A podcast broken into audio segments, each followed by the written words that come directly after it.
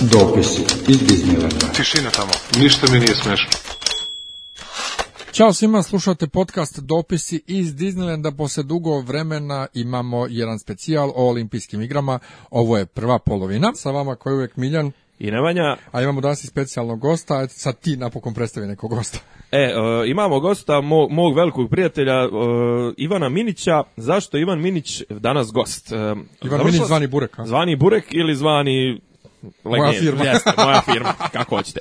Ovaj, zašto smo Ivana Minića zvali? E, znači, završavamo olimpijski ciklus, tako da kažem, završavamo priču o olimpijadi koju smo pratili eto kroz ovaj naš podcast prethodnih nekoliko epizoda, a Minić je čovjek koji je možda jedan od najpozvanijih da priča o olimpijadi, izuzev samih olimpijaca. E, ja znam, ali ajde ti nama reci kako si ti sve vezan sa pokretom olimpizma u Srbiji kroz olimpijac aplikaciju, to jest pro, projekat olimpijac kroz praćenje, kroz izvoli molim te. Mislim, ako hoćeš predstavi se ovako, mada uglavnom ljudi koji slušaju naš podcast znaju ko, znaju ko si ti, mislim, pozdravi Nikolinu, pozdravi, ne znam. Pa, znaš kako, e, iskreno, ja najčešće ne umem ljudima da objasnim čime se ja bavim, zato što posebno prethodnih nekoliko godina radim jako puno stvari paralelno i to e, jako loše utiče na moju psihu. A sa druge strane, jedina kao neka e, sigurna luka upravo za taj deo ovaj, moje, moje ličnosti da, da Za se koliko toliko iskuliram i da, da mogu da se fokusiram na nešto je praćenje sporta, koje u mom slučaju ono, bukvalno 25 godina pratim, s vremena na vreme se zaljubim u nešto novo, a generalno pratim nekih desetak sportova jako ozbiljno i ono što je, što je zanimljivo za samu ovu priču i da pratim većinu malih sportova u kojima smo mi dobri. E, pratim to do nivoa da kada mogu, kada se ukaže prilika idem na takmičenja, poznajem veliku većinu sportista i lično sa nekima sam i prijatelj i sa te neke strane e, pokušavam da ispratim sve njihove rezultate. To kada je krenula cela priča sa, sa ovaj, ovim olimpijskim igrama, e, odmah od starta e, su ne tako dobri rezultati naših sportista protumačeni kao nekakav debakl, Čekaj, kao... ajde, ajde da se vratimo. Prvo, ti si na stranu tvoji ovaj, izleti u tipa praćenje MotoGP-a uživo, ti si bio na prošloj olimpijadi, trebao si ići na ovu, dobro, to su neke interne informacije, ali prošlu si pratio, tako bio si u Londonu? Tako je, bio sam u Londonu, sticajem okolnosti imao sam tu sreću da, da odem na olimpijske igre nakon trenutka kada su se sve nade ugasile da ću ići po nekim zaslugama jer sam radio neke prilično značajne projekte tada i ovaj put sam kao supervizor ili kao nekakav konsultant radio na dosta stvari, bio u nekom aktivnom kontaktu sa olimpijskim komitetom, ali to se sve e, nije završilo na način na koji, sam, na koji bih ja želeo. Sa jedne strane mi je jako žao zbog toga, sa druge strane e, siguran sam da je ovo bolji način da ispratiš sve što se dešava, jer zaista kada si tamo to ne možeš da radiš. Jako je teško organizovati se, prosto e, daljine fizičke su nešto što ne može baš tako lako da se, da se prebrodi. Sa druge strane, e, kako su se igre približavale, dolazilo je sve više i više vrlo uh, obeshrabrujućih informacija i ono što je najvažnije u stvari danas, nekoliko dana nakon završetka igara, je to da se ništa strašno nije desilo. Da. Da. To je strašno, od da 100, će se 103 desiti. čovjeka 50 nešto donelo medalje nazad. Ne samo mislim. to, nego ovo tipa ove bolesti, terorizmi. ovako, to, onako, to- to je mislim, dobro, da. Mislim, ostalog. situacije, kažem, poznajem dosta sportista, imao sam prilike sa, sa njima da pričam, u nekoliko sportova su postojali nekakvi ili predolimpijski turniri, kvalifikacije ili nekakva događanja gde su mogli prvi put da vide borilišta, strelci, odbojkašice i tako dalje.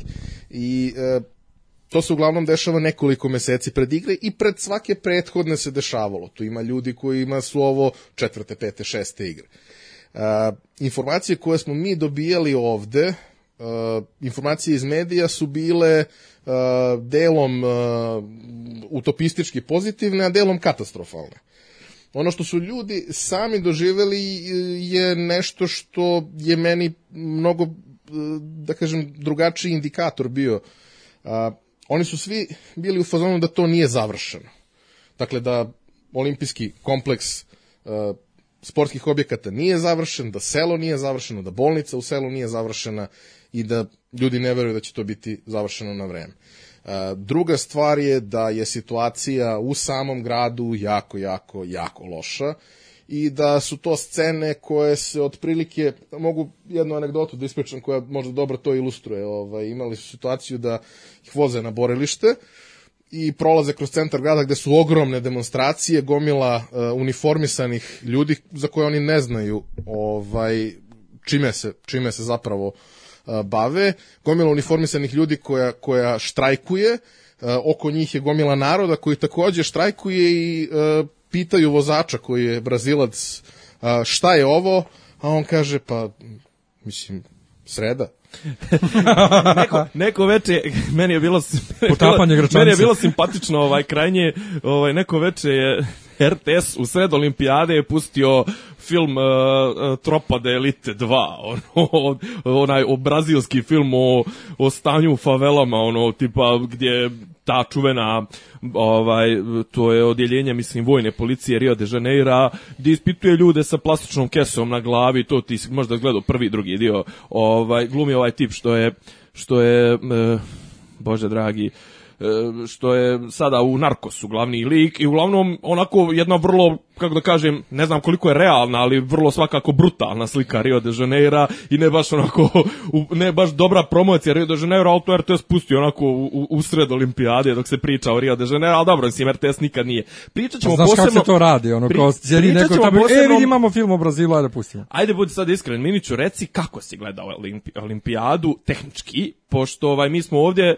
ja sam u jednom trenutku sam imao havariju ovaj, na kompu i morao sam komp da bacim u smeće, to je bilo sreća, pa negdje pred kraj kad su već ovi događaji koji nas zanimaju, onako su se razrijedili i bilo samo četvrtfinala, polufinala, ali ja sam prvu, iskreno rečeno, prvu polovinu olimpijade odgledao na BBC-u na onim njihovim streamovima. Kako ti gledao RTS? Ja sam uglavnom gledao RTS i imao sam nekoliko, da kažem, nekih pripremljenih malih sistema na kojima sam pratio neke rezultate koji su mi bili značajni.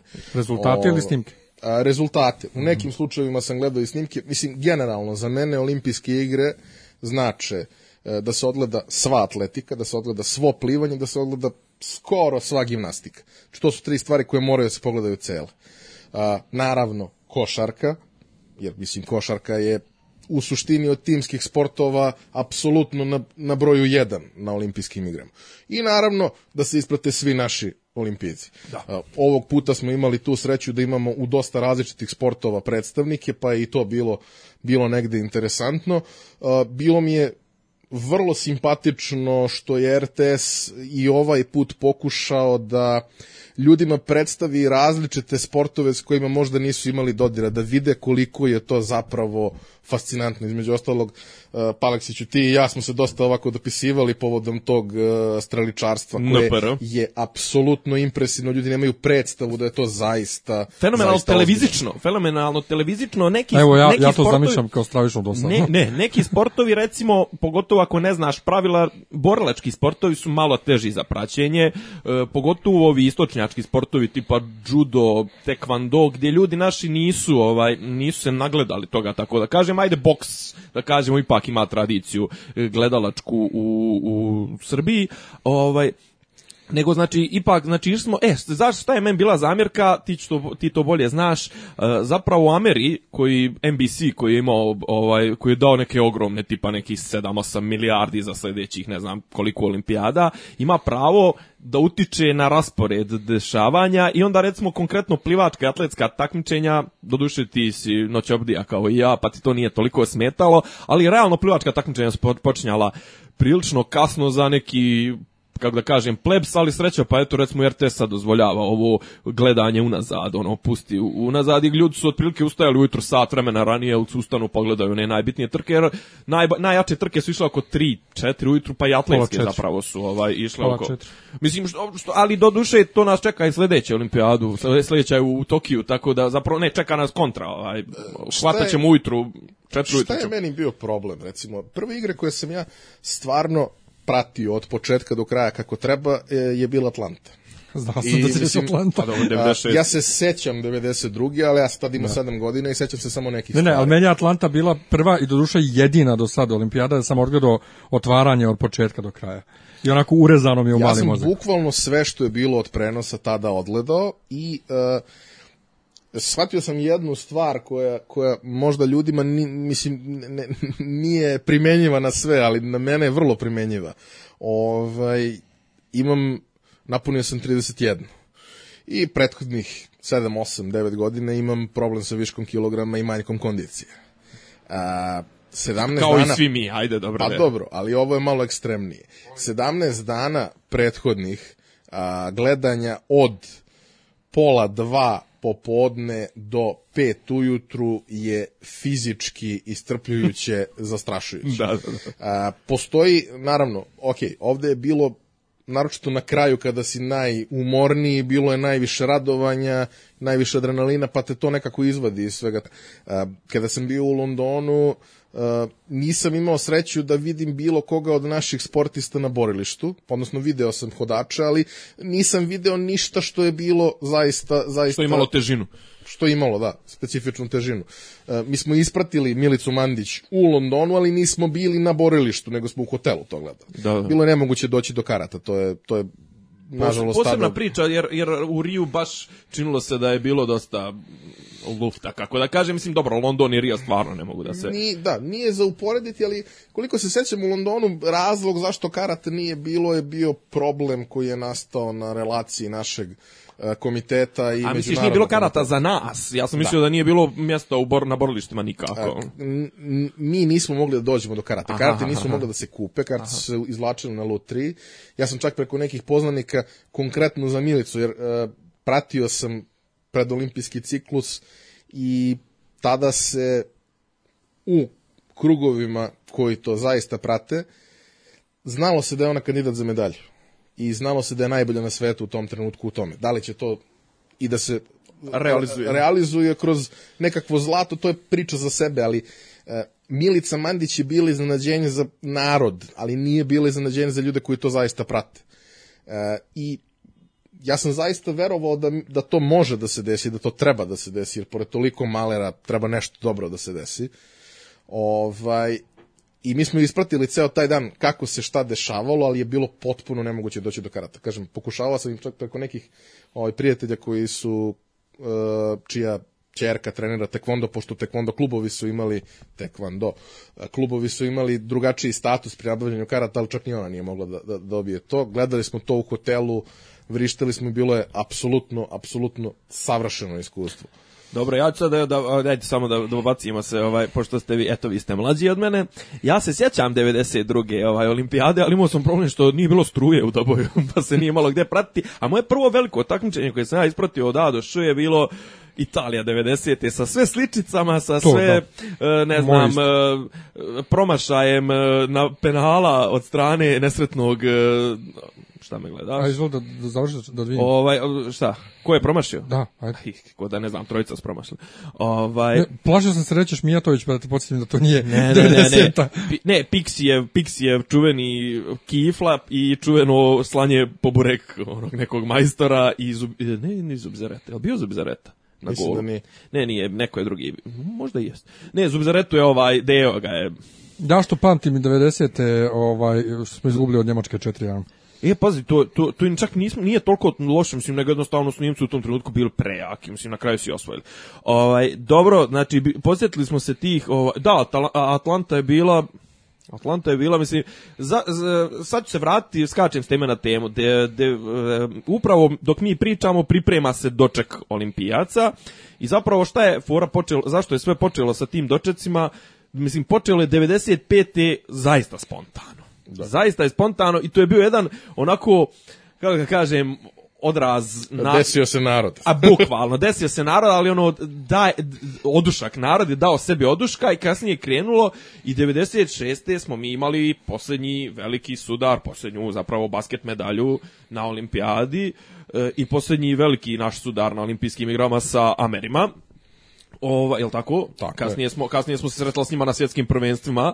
Ovaj i kako odakle ćemo da krenemo? Ajde kažem to kako je RTS ispratio, kako su drugi ispratili, pozitivna iznenađenja, negativna iznenađenja, ili ćemo hronološki zapravo nekako hronološki se potrefilo se da su negativna iznenađenja bila na početku, a pozitivna su došla na kraju i da smo zapravo cijel srpski olimpijski tim imao jednu uzlaznu liniju što se tiče i raspoloženja i uspjeha i svega i zapravo ono kako je izgledalo poslije 3-4 dana kad su se radili neki presjeci ili poslije prvih 7 dana kako je izgledalo tmurno, mi smo zapravo došli do rezultata duplo više medalja nego u Londonu, je tako? U Londonu smo imali četiri ili pet? Tako je, u Četiri. Londonu smo imali četiri. Nikada Četiri. do sada nismo imali više od četiri. I više od jednog zlata. A, tako je. I e, mislim sa te strane gledano ove olimpijske igre su apsolutno uspešne. A ako gledamo to na malo drugačiji način, ako gledamo ko su bili- Raščlanimo. da, ko su bili projektovani za medalje, očekivalo se i malo više. Ja kada sam pisao neki svoj spisak u nekom internom kružoku, željenu. ovaj, šta, bi tu, šta bi tu moglo da bude, a, ja sam projektovao, mislim, 12 ili 13 medalja, s tim da sam rekao da je to apsolutno optimistična projekcija. Franjo je rekao 18. Da. A dobro, to su sad već... Dobro, on je, Ja on mislim- je sa fona, oni tamo nemaju ozbiljniju matematiku. Dvoje dvocifreni brojevi su već problematični. Da, možda, možda, možda, je- možda je binar. A, šta, je, šta se tu izdešavalo što, što je možda ovaj učinilo da prosto imamo neke, neke malo slabije rezultate. Mislim da je bilo mnogo problema o kojima se nije pričalo, o kojima mora da se priča. A, mislim da ako krenemo od strelaca, a, mislim da a, upravo ono čega se Parlainović dotakao na neki način se odnosi apsolutno na, na sve sportiste. E, da se razumemo, sportisti koji imaju vrhunske rezultate imaju dobre uslove za, za rad. E, ti uslovi nisu na nivou na kome su u Nemačkoj ili u Sjedinjenim državama ili, Ili u Ujedinjenom kraljevstvu koje je zbog Londona zapravo i tog projekta ljudi su po, povećali broj medalja, a nešto enormno u zadnje 3-4 olimpijade, oni su nešto doživjeli neki neviđen skok, čak su i na, na ovim olimpijad, na ovoj olimpijadu zapravo tek sad žanju uspjeh ulaganja od, od mislim, oni su čak bolje, bolje prošli nego u Londonu, mislim da su. A, specifična je situacija to što a, zapravo mali sportovi a, donose mnogo medalja. To je ono što, što, što niko ne kapira kod nas. Kako da imate mnogo pojedinačnih medalja, pa tako što ćete biti dobri u gimnastici, atletici, plivanju, e, mestima gde jedan vrhunski takmičar može da ti donese tri ili četiri medalje. Kao što je Katin Hohosu donijela Mađarima tri zlata i još bronzu ili srebro, slagaću, ali mislim da je donijela tri zlata. Znači ona sama je zapravo ovaj izbacila Mađarsku iznad nas na onoj tablici gde se Tako računaju je. prvo zlata pa srebra pa kao što, mislim, a, imali smo na kraju tu internu sporednju koja, mislim, je donekle i, i, i možda i, i bitna za ovaj narod kao takav, jer e, niko Srbe ne može da ujedini kao Usain Bolt. To je sigurno. A, mi smo e, e, u finalu u Waterpolu branili to da Jamajka završi ispred Hrvatske na, na listi. Jao, medalja. gospode. Da su Hrvati osvojili zlato u Waterpolu, bili bi bolji Jao. ali se to nije desilo, tako da je Srbija odbranila Jamajku, što je možda mnogo važnije od svega. Da. Korać, O, korać ali sad likuje. Kora, korac Tu likuje od ozgo, da. Tu bukvalno imamo moment da, eto, Jamajka jeste ekstremno uspešna, ali Jamajka je ekstremno uspešna zato što ima jednog takmičara koji je najbolji svih vremena i generalno u sprinterskim disciplinama može da uradi to što treba da uradi. Dobro. Znači, postoje 4, 5, 6 disciplina, odnosno četiri discipline u dva pola u kojima oni nešto mogu da urade. Sve van toga, oni ne postoje. Da. Ali pojedinačno gledano to je mnogo medalja. Da, Isto- pri tome su te discipline u kojima oni učestvuju ono kraljica olimpijade. To svi Naravno. hoće da gledaju. 100, Pa to je to je 100 kralj- metara, trka na 100 metara, to je ono, Pa to, to, je bol. to je finale svjetskog prvenstva u fudbalu. To su dva najgledanija, kažu u četvorogodišnjem ciklusu dva najgledanija, ako Događaja. uzmemo Super Bowlove i ne znam. Evo, ja mogu da kažem u Londonu, e, nisam imao tu sreću da gledam 100 i 200 metara, što mi je jako žao, ali sam imao sreću da gledam nešto drugo. Imao sam sreću da gledam štafetu 4 puta 100, koja je jedina trka u kojoj je Bolt trčao 100% svojih mogućnosti u njegove karijeri. I su ovaj, i- svetski rekord. Gdje nije, gdje nije kočio. Gde je imao situaciju da u zadnju izmenu ulazi sa velikim minusom i mora da pobedi. A sad kad, smo već kod tog svetskog rekorda, a i kod njihovog rezultata, skroz off, offside da napravim, Ajde. kroz rezultata ove godine, ja sam radio, kalkulisao sam koja je to brzina kojom svaki pojedinačno trči. Oni su sad imali 37-27 sada. Tako to znači da je svaki trčao 9,3. Ispod svetskog. Kako? Pa zato što kreću, kreću iz, i, ne kreću iz niskog starta, znači oni već kreću na 50, 60, 70% brzine, a i onaj koji im predaje ne koči, njemu se ne zaustavlja sat na tom momentu kad, kad mu je predaje, nego i on predaje, on koči na nekih 70% brzine, mislim koči da bi se izvršila prema predaje, naravno ne, ne predaje se u punom sprintu, zamisli tek kad savladaju tu tehniku, ali doduše nikad neće, savladati da u punom sprintu jedan i drugi predaju, mislim moraju, znaš, ono, da, da predaju na 100% brzine, onda će otprilike rezultat ići na 35. Dobro, ali to je i dalje nenormalno fantastično. A, mislim, to je recimo, konkretno ja mnogo više volim trku na 200 metara nego trku na 100 metara. Zato što u trci na 100 metara svaka sitnica može da utiče na tvoj konačni ishod. U Boltovom slučaju ne može. On Da, čovjek ma može, može, može kao što se zajebo na onom jednom svetskom prvenstvu Tako kad je kad je napravio pre, ovaj kad je startovao ranije i bio diskvalifikovan, to je jedini put kad on nije osvojio, a da se pojavio na Kad na se analiza, na na, tr, na a, trkalištu. Recimo, čak mislim da je NBC imao upravo to pre nekoliko dana na sajtu kao nekakav mini game za, za, za ljude koji hoće da probaju. A, malte ne na svim trkama, kada, ako to pratiš, a, možeš videti da je Bolt taj koji prvi startuje. Jer on je upravo na početku karijere, mislim početku karijere, u nekom tom središnjem delu karijere imao jako veliki problem da mnogo zaostane na startu jer je robustan i treba mu više vremena da se pokrene nego se mali zalaufa. nabijeni takmičari koji izleću iz bloka. I on je mnogo radio na tome i njegovo vreme reakcije je niže nego bilo koga drugog. U nekim trkama ne bude on prvi, ali je među prvih nekoliko uvek u vremenu reakcije i on uspe da nadoknadi to na 100 metara, je to dosta teško. Na 200 metara kad se zalaufa, on može da napravi spektakularan rezultat. Sa pa kad sa onakvim podeliš- korakom. Mislim, da, ti kad je podeliš njegov rezultat e, 19, kada je 19, ušetao sa 19-19, mislim, ja sam ubeđen, uh, meni je, ako gledamo njegovu karijeru, uh, meni je samo jedne stvari žao. On sada ima 30, 31 godinu, on više ne može da postiže onakve rezultate i dalje je najbolji od svih, daleko. Ali ne može više da postiže onakve rezultate kakve je postizao. Samo mi je žao što nije jednu trku otrčao na maksimum. Da, da, da, da. Jer on je i na 9.58 se ušetao u cilj. E, a to sam da kažem, on, po- pozdravljao Raju ali i- on na kraju svake trke koči. Ti vidiš njega da koči. Ne koči, čovjek. nego ono malo osvrće se, malo ne, koketira ne, ne, ali s publikom. ne, usporava ono- korak, usporava korak. U, Prije- fin, u finale, jednom nije usporavao, prošle godine nije mo. Nije mogao da usporava, ali prošle godine kažu bio bolestan i, zim, i generalno ovaj Gatlin je bio spremniji i to je ta trka je bila recimo na svjetskom prvenstvu, to bilo u Pekingu, je tako? Da. E, on je trčao 9.77, Gatlin je trčao 9.78, znalo se da je, ali tad je Korać čuveni njegov ovaj, pobjeda prirode, nad, Prirode majke nad prirode nad farmacijom, nad farmacijom i, i kad, kad su prikazivali Getlina koji čestita, mislim Getlin, Getlin je sad on, on je čovjek negativna, negativni heroj, ovaj antiheroj svjetske svjetske atletike, svjetskog sporta, svi vole da navijaju, da navijaju protiv njega,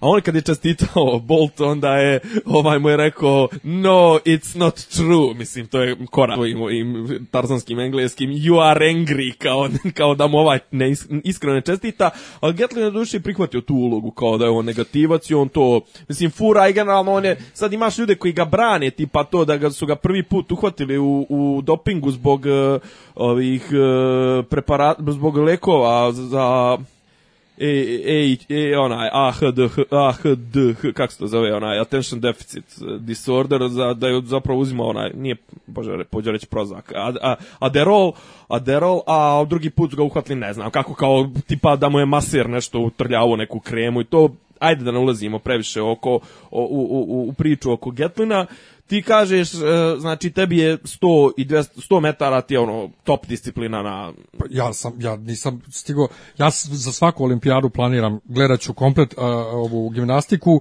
gledat ću komplet atletiku, ali uvek bude neko vreme emitovanja nenormalno da ne stignem ništa, da gledam osim eventualno 100 metara finale i sad sam slučajno video to večer, ja očekujem da je to na kraju olimpijade, video da je 100 metara tu noć i kao, pa to je za sat i po dva, ostaću ja budan i gledao sam uživo i ovaj, Ja, sad, sad ću vam reći, to je bila, to je bila nedjelja. Zna, zašto znam? Zato što sam ja u ponedeljak ujutru trebao da idem u Sarajevo da vozim u 7 ujutru. Ja sam gledao trku u 100 metara. pol, 20 do 4. recimo, Štafeta da je isto bilo. bila 20 do 4 ujutru, ali pre štafete je bilo na 400 metara kad je ovaj borio sad svetski rekord. On je čovjek isto usporio na kraju, on je mogao svetski rekord još bolje da obori ovaj nego... Ja mislim da on nije bio svestan Nije svestan da je svetski rekord, da. pravi, da je znao da bi dodao gas. I da bi oborio granicu za koju sam ja mislio da u svom životu neće biti oborena. To je za četir- 43 sekunde na 400 metara, to ljudi moji, ljudi Da, moji. nego ajde da se zadržim kad smo već na 100 metara, 4 puta 100 metara, Uh, ja sam, meni je uvijek smešno kad se u tim sprinterskim ovaj, disciplinama pojave Japani, Kine i tako to. Japanci su osvojili drugo mesto. Ispred Amerikanaca. Ja, dobro, posljednju iz, izmenu trči koliko sam skapirao čovjek koji je poreklom sa Jamajke, Aska Cambridge.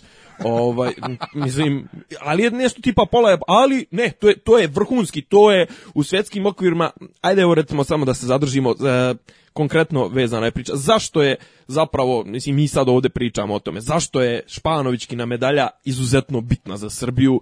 Zato što je to atletika. Jer atletika je na olimpijadi bog. Mislim, to je, to, to su, e, ti si pitao mene neki dan i evo sad može Ivan da ti objasni, mogu ja da ti objasnim zašto, zašto za, fu- za ljude koji prate futbal olimpijada nije bitna toliko i zašto nisam- nema tu težinu. Nisam to rekao, nisam. Ne, ajde, ja sam rekao, ja sam pitao zašto fudbal nije bitan na olimpijadi, ne ljudima, nego uopšte, odnosno zašto ne igraju prave reprezentacije. ne igraju prave reprezentacije, nego igraju 90, ajde recimo šeste, igraju Ispod trojica, 23, ispod trojica 23 starijih godine od 23 i ostali su 23. Zašto? Zato što olimpizam fura e, princip amaterizma. Ok, Kao zašto, što onda u boksu zašto to. su onda u košarci profesionalci? Pustili su, 92. su pustili, znači 92. su pustili da se Znači da, da mogu da čekamo da puste i za fudbal. Pa da, otprilike i druga stvar, FIFA iskreno rečeno ne jebe nešto olimpijadu, baš nešto je ne gleda je kao na bitnu i u dosta zemalja prvenstvo teče nevezano za olimpijadu, recimo u Južnoj Americi, druga stvar imaš ove dobro duše Rusi su prešla sad na, na ovo klasično računanje, imaš recimo zemlje koje, koje igraju fudbal od marta do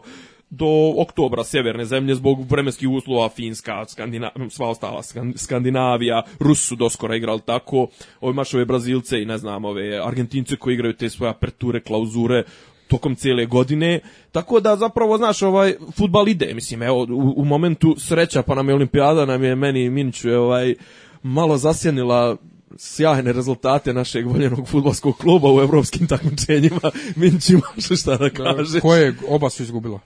O, ovi su prije olimpijade, još Partizan je ispao još prije olimpijade, a mi smo cigani. Mislim, I zašto nema, ajde da, da pređemo na ljepše teme, mislim, nema futbal, znači šta su dvije, dvije najbitnije? Košarka i pa, atletika. da se razumemo, ja Čekaj, sam... ali i odbojka, i odbojka na, na olimpijadi. Ne, ne, sve to, ali odbojka nema tu... Nema tu težinu, Težinu. kao što ni rukomet nema tu težinu, kao što, eto, ragbi je sada Ne, u malo rukometnom ozbiljniji, svijetu- ali i dalje Ne, u nema. rukometnom svijetu jeste olimpijska medalja i dalje je najbitnija, ali u cjelokupnom svijetu ne gleda se, pa mislim šta je bio posljednji, sni- posljednji prenos na olimpijade? Košarka, ja. košarka. Pa za, i NBC prenosi i druga stvar, Ameri se saberu u pošalju najbolje što ima u te četiri godine. Njima svjetsko prvenstvo nije toliko bitno, kontinentalna šalju neke. Da, da, njima, njima, njima svetsko u košarci nije uopšte bitno toliko, da. Olimpijada, nije kao olimpijada, šalju oni i dalje dobre reprezentacije, ali olimpijada vole svi, jebi ga, Lebron je koliko rekoše, dvije olimpijade ili tri igro, uh, Wade, uh, ovaj, kako zove, Durant, Pa mislim, Carmelo sa tri je, Carmelo olimpijade. treća, Melo je da. prvi takmičar u istoriji koji ima tri olimpijska zlata. Ti, da li ti imaš odgovor? Dakle, zašto, eto, zašto je u košarci dozvoljeno, mimo olimpijskog duha, da se takmiče profesionalci, ili u atletici isto, mislim šta lupam gluposti, ovaj, a nije u futbalu? Pa, e, što se futbala tiče, e, cijela situacija po meni bi fair bilo da to bude takmičenje mladih reprezentacija. To nije takmičenje mladih reprezentacija, to je takmičenje mladih reprezentacija potpomognutih nekim starijim igračima. Dok je to bilo tako da su se dominantno igrali, e, da su dominantno igrali mladi, imali smo tu situaciju da u Atlanti Novanko Kanu bude najbolji igrač olimpijskog turnira i da oni osvoje olimpijski turnir, da to bude zaista jedan spektakl Nigerije, što sada jeli ne može da se desi. Uh, mislim da je to značajno samo zemljama koje zaista uh, žive futbol. Ja sam imao tu sreću da uh, budem u Londonu uh, u vreme kraja futbolskog turnira. Uh, desilo se prvi put situacija da Brazil uh, odnosno nije se prvi put desila situacija, ali to je bila šansa da Brazil dođe do jedine stvari koje mu u futbolu nedostaje, olimpijsko zlato. Igrali su sa Meksikom finale, izgubili su finale 1-0 to veče ceo London je bio pijan. Zato što su ludi Meksikanci izašli na ulice, poneli po boce tekila, ljubili se sa svima, grlili se sa svima i častili sve. Deo ekipe je čak otišao i u meksičku kuću, to je bilo spektakularno potpuno. Ali Dobro, meni- njima je recimo to značilo beskonačno. Pa dobro. Koliko i sada znači Neymaru što je dao taj gol i što su oni konačno uzeli jednu jedinu stvar koja im fali. Dobro, uh, ja, ja ću sad biti ono, sad ću ja njih da, da, da mislim, sad ću ja da zajebavam Brazilce, jel te? Ovaj, ne može to nikada opere onu bruku od prije, od prije dvije godine, a ti si isto ljubitelj, ovaj, to smo već konstantno, mislim, ja i ti se znamo dovoljno dugo da znam da je on isto veliki ljubitelj manšafta, da je zapravo, A mislim, da se onda se on, Manšaft, je- manšaft über alles. Neko je Što se mene iskomentarisao, tiče. ja koliko se, ne znam koji prenosio, možda Krivokapić, možda i nije, ne znam. Ovaj, neko je iskomentarisao u prenosu da se na taj način e, Brazil osvetio Nemcima za bruku. a- ma važi, ono kao, ma važi. ako je to zaista, ako neko zaista misli da je to tako, taj čovjek nema nikakvih taj- taj- dodirnih tačaka sa profesionalnim Sa- sportom. Pa ne, ali to Sa ono koje su uzeli i pretukli im djecu. Ono ko, evo, osvijetli smo se. ne, ali, ali- kako, kakva je osveta na, na, na neuporedivo nebitnijem turniru uh, dobiti na penale Nemce, Decu. djecu, djecu na penale dobiti od toga da te da ti švabe ra, rasplakaju cijelo Marakanu, ono, da žene tamo hoće da se poubijaju, muškarci vrše harakiri. Poslije ono, sedam, osam poslije- minuta Poslije u- sedam golova, pa su im pustili ona jedan. Ne, ne, ali, onako- ali prvi pet je bilo nešto poslije 10, 15 pa, minuta. pa uvrh glave 25 minuta. Znači, ja ono, sam zaista siguran, ali apsolutno sam siguran da je njima rečeno na poluvremenu nemojte ljudi. Ko ne- Jel, ajde, jel, ajde, može, jel možemo? Ja? Ne, pa čekaj, kad već pričamo o toj utakmici, Nemci su prestali bili da se raduju posle nekog već gola, pet, je malo, je bilo, malo je bilo Ne, neprijatno. bilo, vidiš da im je neprijatno više da se raduju, jer Nemci inače imaju to usađeno, ne smiješ previše da se raduješ pobedi. Devede- 2006. kad je bilo svetsko prvenstvo kod njih, oni su imali javnu raspravu o tome koliko dugo smeju da istak, ističu nemačke zastave i koliko smeju da se raduju, a da ne budu nacisti. Dobro, ba, smeju i to, da prezmi na jekav se nervira. To kad se okrenem tebi. Aha, ovaj, dakle, koliko smeju, smiju Smiju. to da rade, a da ne ispadnu nacisti, oni stvarno imaju to toliko usađeno, tako da je logično. Ne, Eto, ono, et, et, malo smo ti otprilike po E, ali ajde fudbal, da se, ajde. da se okrenemo i ka košarci. Ajde. A, E, a zašto je za košarku Zašto dozvoljeno? košarka? Ne, ne, zašto je dozvoljeno da budu o, profesionalci? Pa mislim da je to kompromis uh, u kome se kaže moraju se nekad sresti Deder da, vid, deder da ostatak vidimo sveta. ko je jači. Je. Amerika i... ostatak sveta. Dobro, da. I uh, kad tu kažemo ostatak sveta, ok, jedno duže vreme su tu, ostatak sveta su podrazumevali SSSR i Jugoslavija i niko više. Ali da, to je verovatno bila negde ideja da, ok, njih zaista ne zanima svetsko prvenstvo, ali apsolutno, znači do 98. ih nije zanimalo uopšte, a E, sad Miljan- ih zanima donekle. Miljan je pitao kad smo ih ono dobili to mislim da je bila ti, e, u Atini se igralo svetsko nakon tri godine nakon evropskog kad smo ih dobili zbog lokauta. A tad nisu slali profesionalce, ono Rebrača i oni, jel tako? Tu je bila priča, uh, a, sad ću ti reći, ako se dobro sećam, uh, Rudi Tomjanović je vodio reprezentaciju Mhm. tada. Tu je bila priča da će ići profesionalci, pa nisu otišli. Onda su oni sastavili ekipu od uh, najboljih američkih igrača iz koleđa, Sa ali da. dominantno iz Evrope. Pa si imao ono, Vendela Aleksisa i tu ekipu u reprezentaciji. Ne, ne, ali to je posljednji put da su oni da su oni došli na na neko takmičenje bez Bez bez, ikakvih profesionalaca Tako i mi je. smo ih dobili regularno, mi- ali mi to ne smatramo pobjedom kao što je 2002. A, mi, uh, ako se ja dobro sećam, uh, njih su izbacili Rusi. Mi smo dobili Rusa u finalu. Mi nismo igrali. Nismo igrali, da. Mislim da mi nismo, Nismo igrali sa direktno njima. s njima.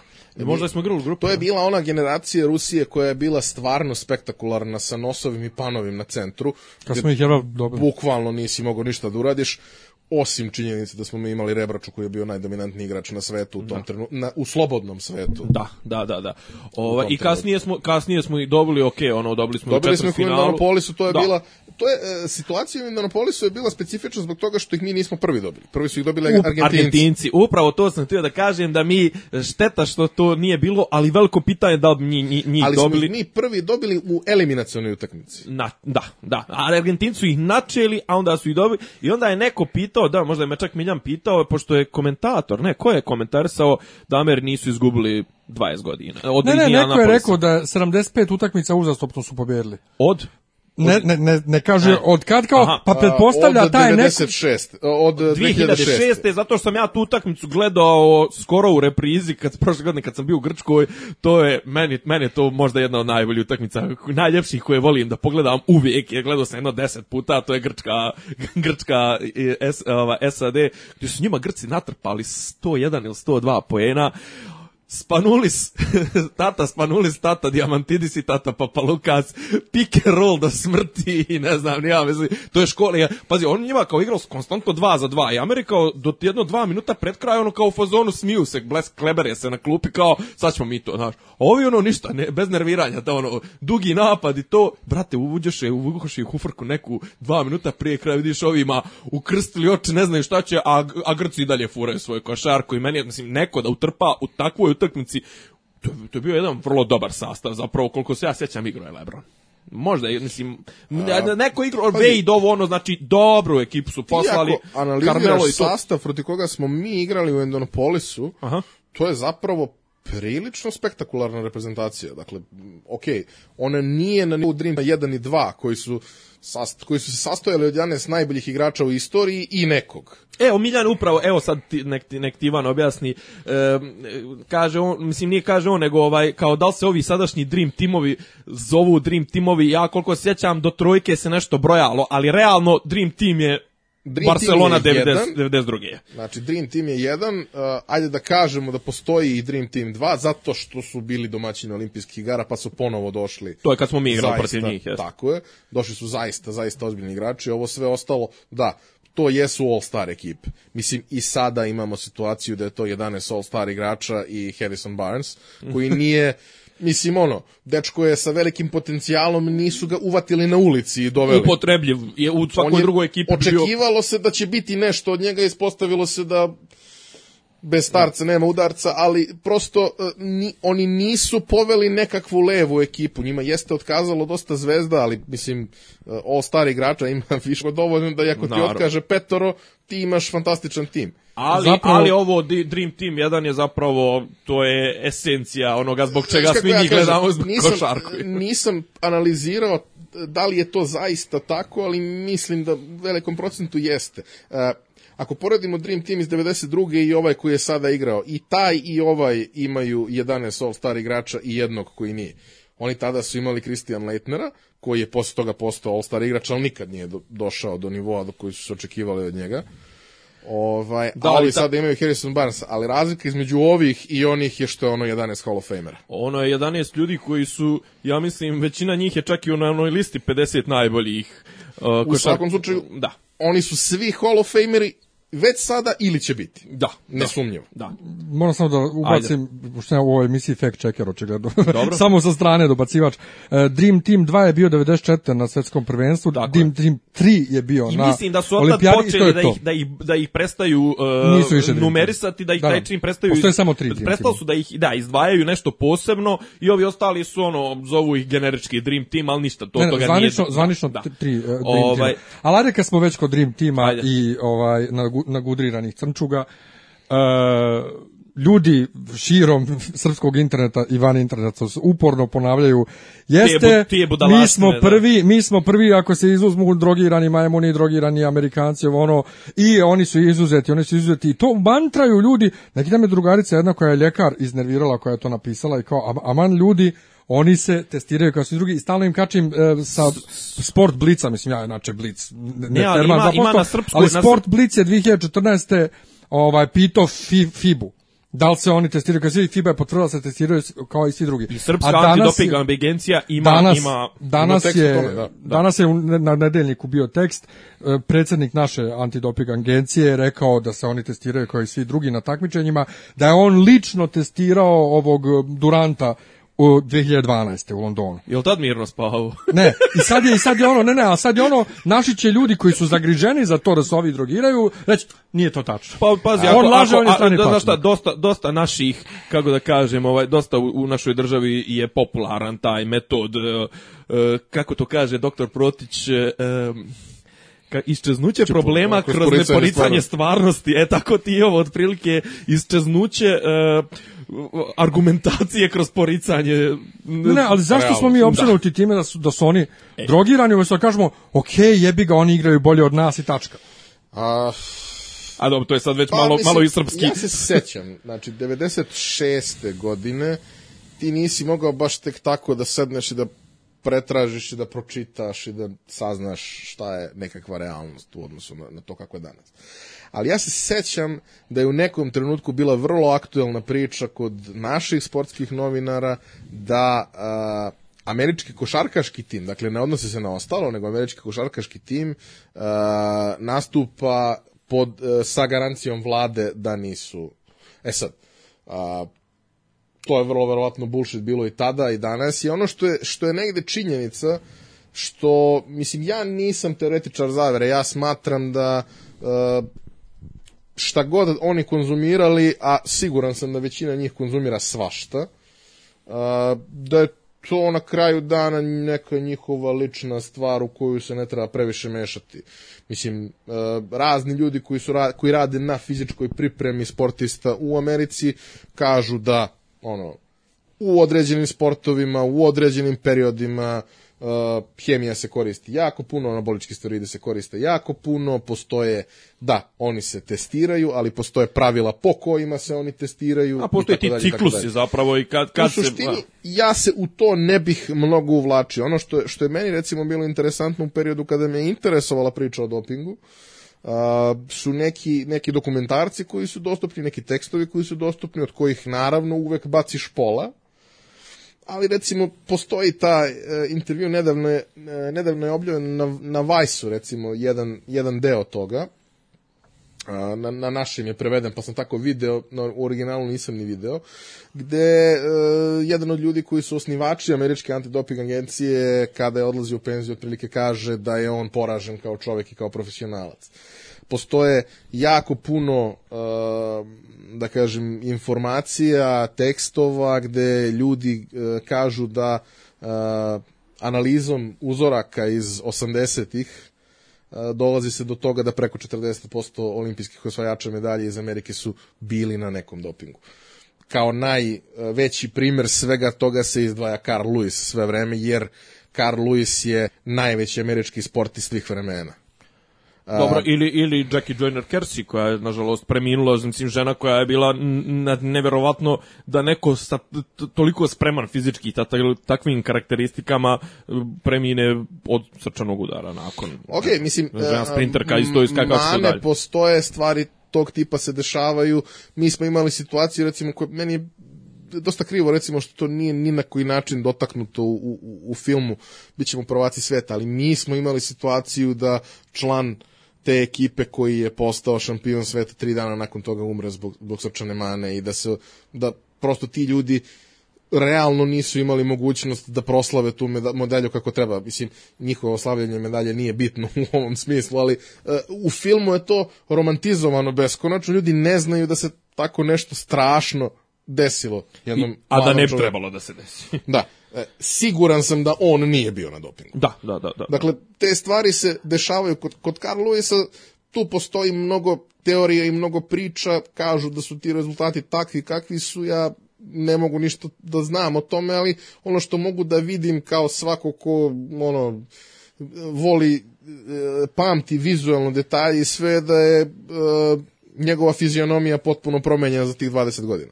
Da. Od momka koji je imao e, jedan izduženi izgled lica i sve, on je potpuno se preoblikovao u nešto drugo. Šta je posljedica toga? Pa ako se malo čita, dođe se do toga da to može da bude posljedica upravo ovoga. Dešavalo se da oni svoje velike šampione gurnu pod led. Dešavalo se da imamo slučaj jeli, i, i, i, i Lance Armstronga, imamo slučaj i Marion Jones, za koju sam ja isto smatrao, kao što danas smatram za Bolta, da je fantastičan veliki šampion, pa se onda ispostavilo to. Uh, ono meni, što mene se... isto užasno me boli Marion Jones. Znači, ne, to bi toliko žao, ne mogu... Ne mogu Meni je, meni je prvi slučaj kog se ja sjećam, zapravo mi kad smo krenuli, kret, kretali da pratimo, kad smo počinjali da pratimo te svetske događaje, olimpijade, svetska prvenstva, i za nas je za nas je 9.90 koliko se sjećam Bena Johnsona. Zna, znao sam da ćeš Ben To, Johnson. to, to, je, to je bio kraj svijeta, znači nema, nema ispod 9.90, mislim kao što je tipa 8.90 Boba Mimona bilo ono, pa su ga oborili u Göteborgu, je tako, 95.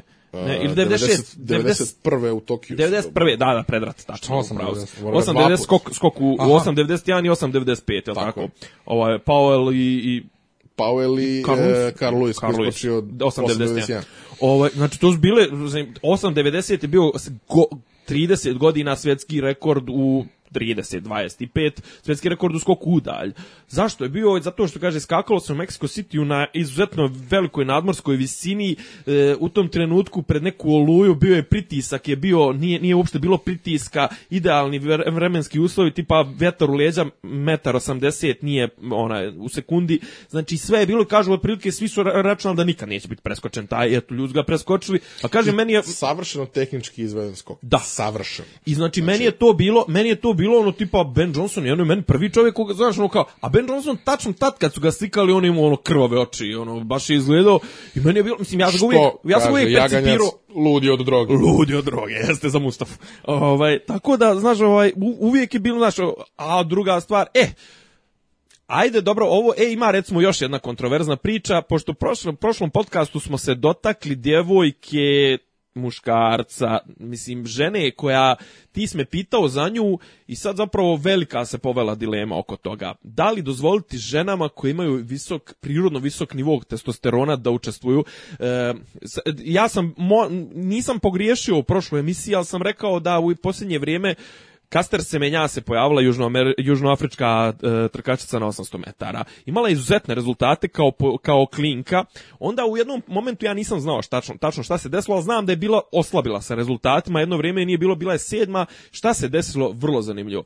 Nju su u jednom trenutku su skapirali da žena ima ogroman prirodan nivo testosterona. Nju su slali na neka ispitivanja ispostavilo se da žena nema matercu, nema jajnik ili tako, mislim, ne, nešto od toga nema slaga, ali šta je fora, njoj su tražili da ona vještački smanji nivo testosterona, da uzima neke, da bi bilo, i onda je ona naravno pala sa tim rezultatima, onda je sud, valjda, ili neko je donio odluku da ona to ne mora više da uzima, i onda je žena od neki dan je dominantno osvojila o, zlatnu medalju na 800 metara, i sad se povelo se pitanje kako tretirati te ljude, da li ih stavljati, mislim, onda se pojavili neki rasistički komentari engleske trkačice koja je bila šesta u tom finalu, tipa ja računam sebe kao ne znam drugu jer sam ja druga evropljanka i ne znam, a bila je neka da li poljakinja, nemam pojma koja je kao njoj, njoj ova čestitala kao čestitam ti što si prva bjelkinja i to sve je kao u fazonu prva među ženama, jer među prve tri bila je zaista, bila je jedna Kenijka koja isto čini se kao da ima problema sa viškom testosterona i bila je neka isto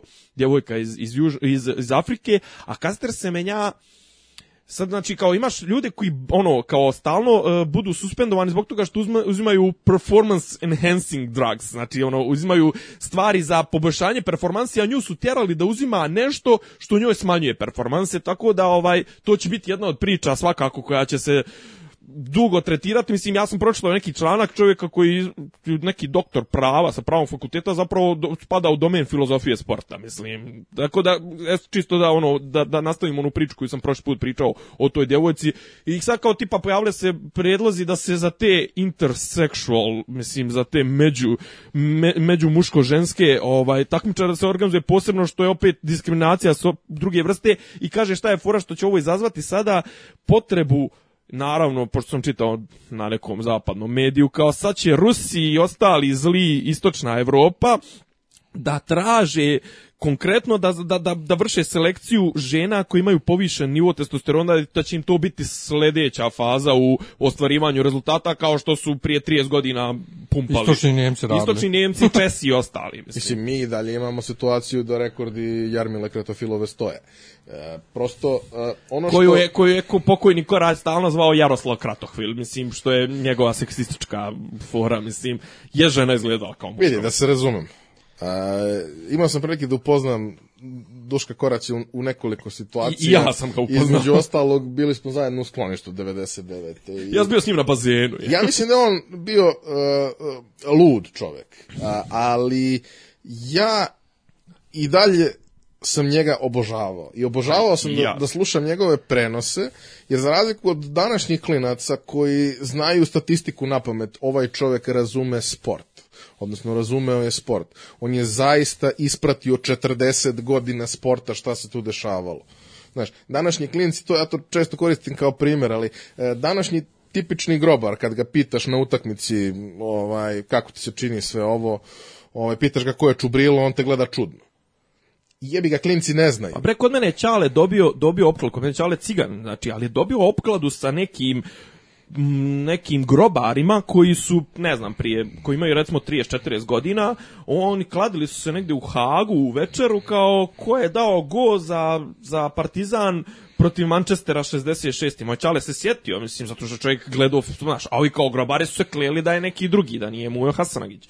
I kao naravno ovaj mi uzeo tipa likovi su platili večeru 700 eura, jebi ga prijatelj, ako ne znaš ti plati, to znaš kao drugačije su ljudi, drugačije, znači što ti kažeš malo, mislim, ajde znamo i tu priču i ti i ja, te komentatorske priče možda znamo možda i bolje nego što bi trebalo, zato mislim, Minić je inače on bi to čovjek trebao biti komentator ovog silnog posla, ovaj, ne stiže da, da se bavi time što je greota, jer zna bolje, mislim čovjek razumije sport bolje od 90% ljudi koji se bave trenutno tim poslom, ali kažem, otišli smo malo i u tu, i, i, i ta struka otišla malo i suviše i u statistiku i u internet je zapravo otišla, za razliku od kora, počeo se oko koraća. I pretvorila se u prenos ko za radio, bukvalno. Evo sad ovaj, evo sad onaj. Šta je, šta je meni tu uh, zanimljivo? Dakle, ja imam 31 godinu, ja ne mogu da se sećam šta je bilo 80-ih. Ali mene to zanima. I ja uzmem i nađem, hvala Bogu, postoje snimci i sve to pregledaš. I da bi razumeo kako su stvari funkcionisale, ti to moraš da uradiš. Kako je sport Kao što, evoluirao je. Znaš, e, ja sam počeo da gledam tenis sa Monikom i sa, i sa Bekerom i to su bila moja dva najveća favorita. Uh, u nekom trenutku sam se prešao to na Samprasa, u nekom trenutku sam uh, se odvikao od ženskog tenisa jer to, jer to ne može da se gleda. Što, otprilike 93. A, pa, mislim, malo kasnije, ali, ali ni, ono, jednostavno to za mene nije, nije bilo toliko interesantno. Ja i dan danas tvrdim da je najlepši tenis koji je ikad igran ono što je igrao Pete Sampras. A, ali današnji, mahom, mahom, današnji ljudi koji se bave a, pisanjem o tenisu i koji, koji se bave analitikom tenisa, to ne znaju.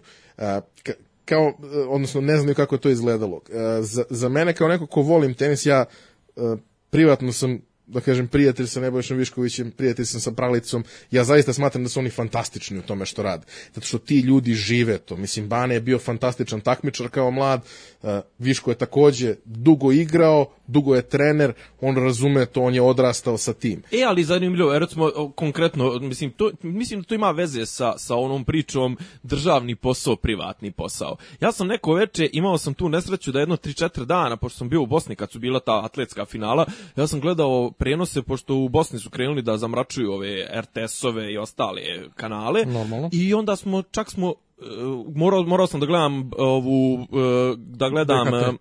e, prenose i atletiku, da gledam i ostale sportove na RTRS-u i na, na BHT. BHT-u. I sad, znači, ti ljudi su još gori od RTS-a. A opet gledaš RTS i gledaš i, i, i a onda posle toga odeš na sport klub i slušaš prenose na sport klubu i ti se pitaš da li, da li ovi ljudi rade u istoj državi, da li je moguće da RTS ne može da izvrši selekciju ili da kaže trojici sa, oni su konkretno, duše, oni su konkretno ovoga Viškovića oterali sa RTS-a, Višković je radio na RTS-u pa je bila ona afera kad mu je upao uh, Đoković, otac, stari. otac Đokovića u, u, u sred prenosa i rekao što ti ne navijaš za mog sina. Sjećaš se toga? Ne. Bilo je tu ružnih stvari. Pazi, prvi put problem čujem. sa RTS-om, veliki problem sa RTS-om koji, koji sada postoji, a nije postojao dok nismo imali kablovske sportske kanale, je činjenica da oni jednostavno ne mogu da pariraju u uslovima. A, ti ideš na RTS ako želiš da ideš na velika takmičenja. Da. Sport klub te ne može poslati na olimpijadu da radiš prenos olimpijskih igara. Znači jednostavno to se neće desiti. Ako hoćeš to da radiš, ideš na RTS. Ali e, koliko god bio dobar u tome što radiš na RTS-u, vrlo su realne šanse da ne možeš toga pristojno da živiš. I svi ti ljudi u nekom trenutku prelome pa odu negde. Tako je Kojko Andrijašević, tako je Viško, tako je dosta jako kvalitetnih ljudi, naročito recimo iz one neke ekipe sa trećeg kanala koji nisu otišli na RTV, već, su po- već su pobegli na, na sportske Dobro, kanale. a opet bilo je imigracije i u drugom pravcu, mislim, ovaj, e, ko je, nije Krivokapić pre ovaj, Mijaljević, ali tako on je radio na sport klubu.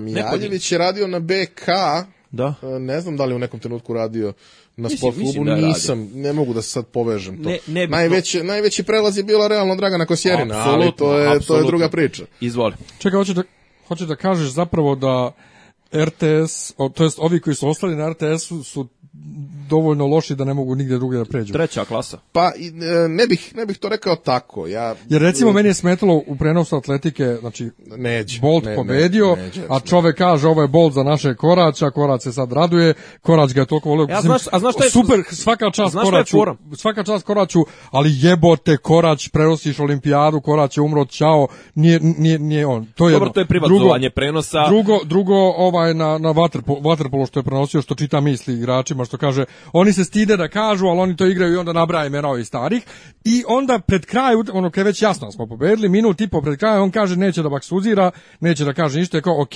prva crvena crvena zastavica kod mene sueverije da bi Aca posle u priči sa Šefikom isto govorio kako bi je govorio sve Denise nemoj, Denise nemoj izbaksuzirat ćeš. Ne, Da se razumemo, komentatorska kletva je fakt. Dakle, komentatorska kletva je fakt. Ja uh, Nebojšu Viškovića ali ja volim. to neću ja sam na, na jednom, državnoj televiziji da plaćam. To je u redu, ali ja sam jednom prilikom bio toliko iznerviran da sam teo da idem da nađem Nebojšu Viškovića da ga bijem. Jer se desilo, desila se situacija da je Uh, ne mogu se setim godina, ali recimo da je 2007. godina polufinale US Opena Serena uh, ili Venus uh, protiv Jelena Janković. Jelena dobija prvi set, vodi u drugom 5-2, ima dva 5-2, brejka prednosti. Gledao. I Viško koji u prenosu kaže to je to, kao gotovo. I Jelena koja naravno izgubi taj meč. Dobro, to je, to je Viktor uradio sve vremena, mislim da je vodio čak 2-0 i 5 nešto protiv... Dakle, protiv, komentatorska protiv kletva Mareja. je e, fakt. O, oni sami kažu da prosto to ne treba raditi. Jer, e, mislim, ljuti ljudi sa druge strane su spremni na svašta. Ali ono što je, što je negde u, u mojoj percepciji trenutnog stanja na RTS-u problem. Um, imaš staru gardu, imaš mlade lavove. Uh, stara garda ne može da isprati tempo ovoga. Mislim, ja, ja nemam ništa protiv Nedeljka Kovinjala. Meni je on ok lik.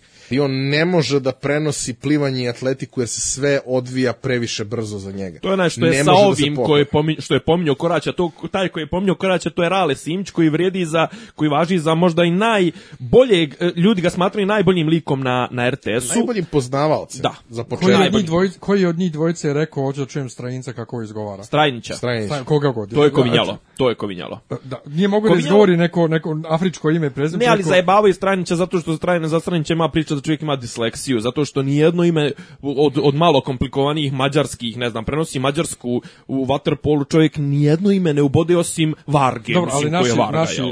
na, naši komentatori generalno strana imena Ne, zašto? katastrofalno loše Ne, pazi, neki da, neki ne, neki se trude, imaš ljude koji, recimo Aca, Aca Stojanović, On se trudi, ali dalje greši. negde greši, negde ne Nemač, greši. On- Nemačka imena fula, brate, Pa, ono, dobro, njemačka imena, pazi, imaš ti, imaš ti nešto što se zove transkripcija po, po srpskom pravopisu, ne, ti ne možeš reći Müller.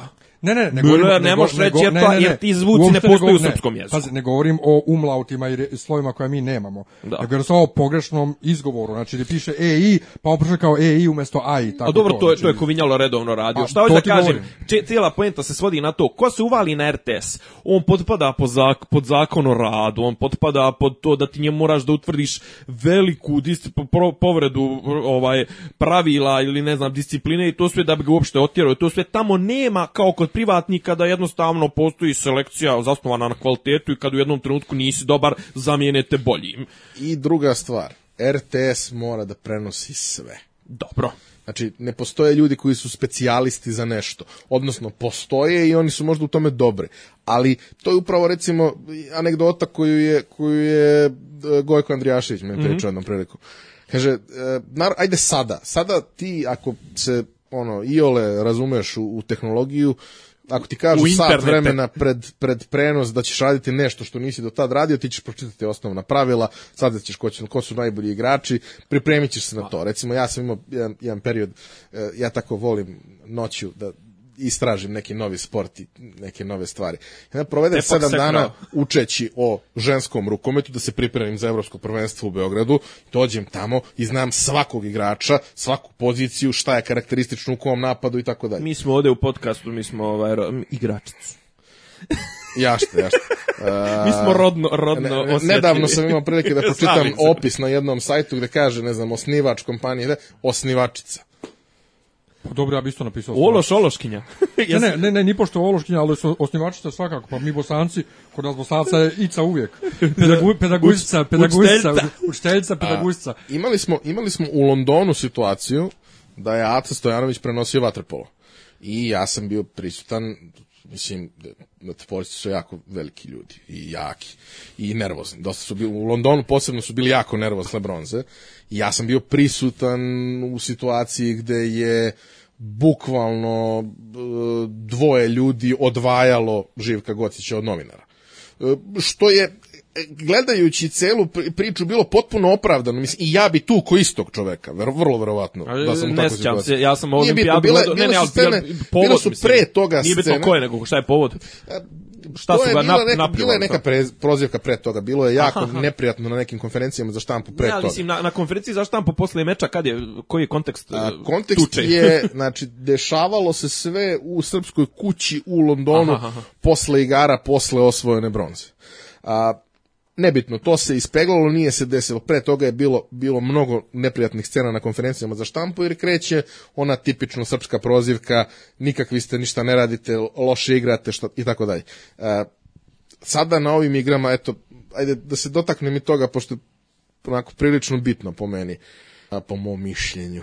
Ovaj, a, treći dan igara, ja više nisam mogao da se iskuliram, slušam, ovaj, da čitam naše novine koje su o svim našim sportistima pisale to što su pisale, da su svi e, tu došli kao turisti, da je sve debakl, da je sve katastrofa, ja sam uzeo i ovaj, napisao jedan tekst, e, trigger za moj tekst je bio tekst Telegrafa, e, odmah Među vremenu bio skinut. koji je međuvremeno bio skinut gde ja posto, pro, prosto poznajem ljude koji su pokrenuli telegraf i ja sam tu negde bio od samog početka.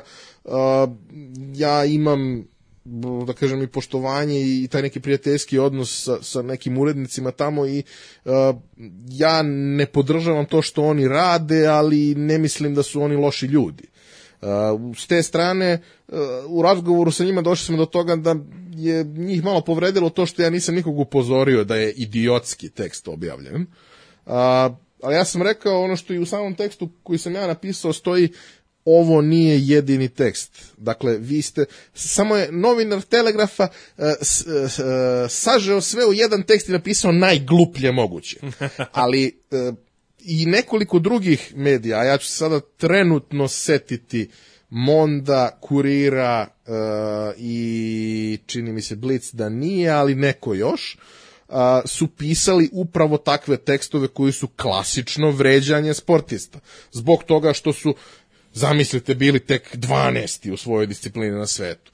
I mislim, uh, ja sam tada popizdeo.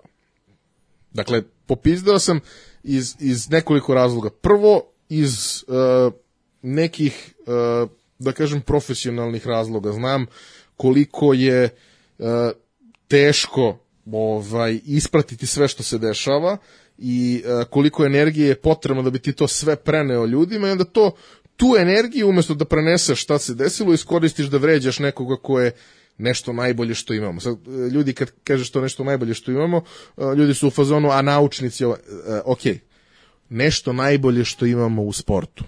Da, da, da. Dakle, to je zaista nešto najbolje što imamo u sportu. Ako neko misli da sport nije važan, to je potpuno u redu, to je privatna To je stvar, da. za 6 miliona ljudi je važan. Za 6 milijardi ljudi na zemlji je jako važan. A, napisao sam tekst uh, u dahu, uh, osvrnuo sam se na neke stvari, ispljuvao sam malo novinare, malo sam negde pokušao da uh, objasnim situaciju za, za pojedine sportiste i taj tekst je u roku od nekoliko dana pročitalo više od 70.000 ljudi, šerovalo ga je na Facebooku više od 4.500 ljudi, a ono što je meni a, možda i, i, i najvažnije Zam u celoj... Miljane da nas, kad, kad njega stavimo u podcast, kad nas bude volko ljudi šerovalo Ne, su. e, vidi, meni Ne, se nikad, uticani titeraš je bio. meni se nikad nije silo da, da, da neko da tolika količina ljudi pročita neki moj tekst, ali a, u ovom konkretnom slučaju postoje dv, dve posledice koje su meni apsolutno fascinantne. A, prva od njih je da nije izašao ni jedan više takav tekst u našim medijima. Ni jedan. Kažem ja uticani titeraš. Naravno, uticajni čovjek. Druga stvar koja se desila, koju ja iskreno nisam očekivao da će desiti, ja nisam verovao da će taj tekst imati toliko efekta za početak.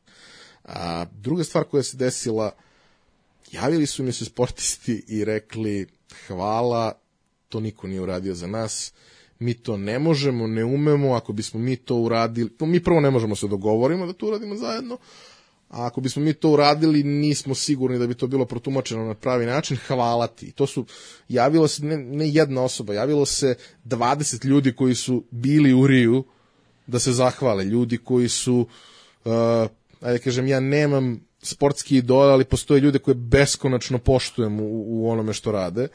Uh, dobar deo njih se tu javio, a imao sam i jednu situaciju, ovaj, moj stric je član košarkaške reprezentacije, on je To pomoćni sam, to sam trener. htio pogo- posebno kad budemo, ali Pričat dobro. ćemo, pričat ćemo o Milanu. To ono, mo, moram da te prekinem. Marko, on je komentarisao, ja sam mislio da ovo ovaj Photoshop između tebe i Mute Nikolića. Ja sam apsolutno isto pomislio, čekaj, ovo treba da je Muta Nikolić, ali nije, ovo je Minićeva faca. Šta je ovo? Jedno prošlo moj stric. Aha, okej. onda. Ispričat ćemo, ispričat ćemo priču za, za Milana, vrlo je, vrlo je interesantna, ovaj, ali...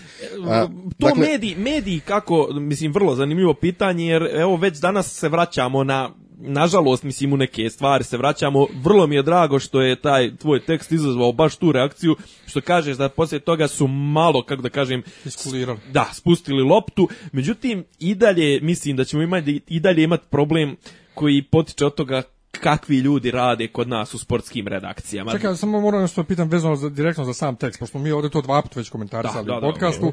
E, Maksimovićka je noše- nošenje barjaka i da li je to bilo pametno da se radi ili ne. Ti si branio ideju da ona ovaj nosi barjak. Da li stvarno misliš da to nije uticalo na umor njene ruke? Ona tvrdi da nije. a, znate kako? A, A da li ono uopšte streljaštvo, tvrdi isto suprotno? Ne, dobro, pazi. streljaštvo puška je vrlo specifična stvar.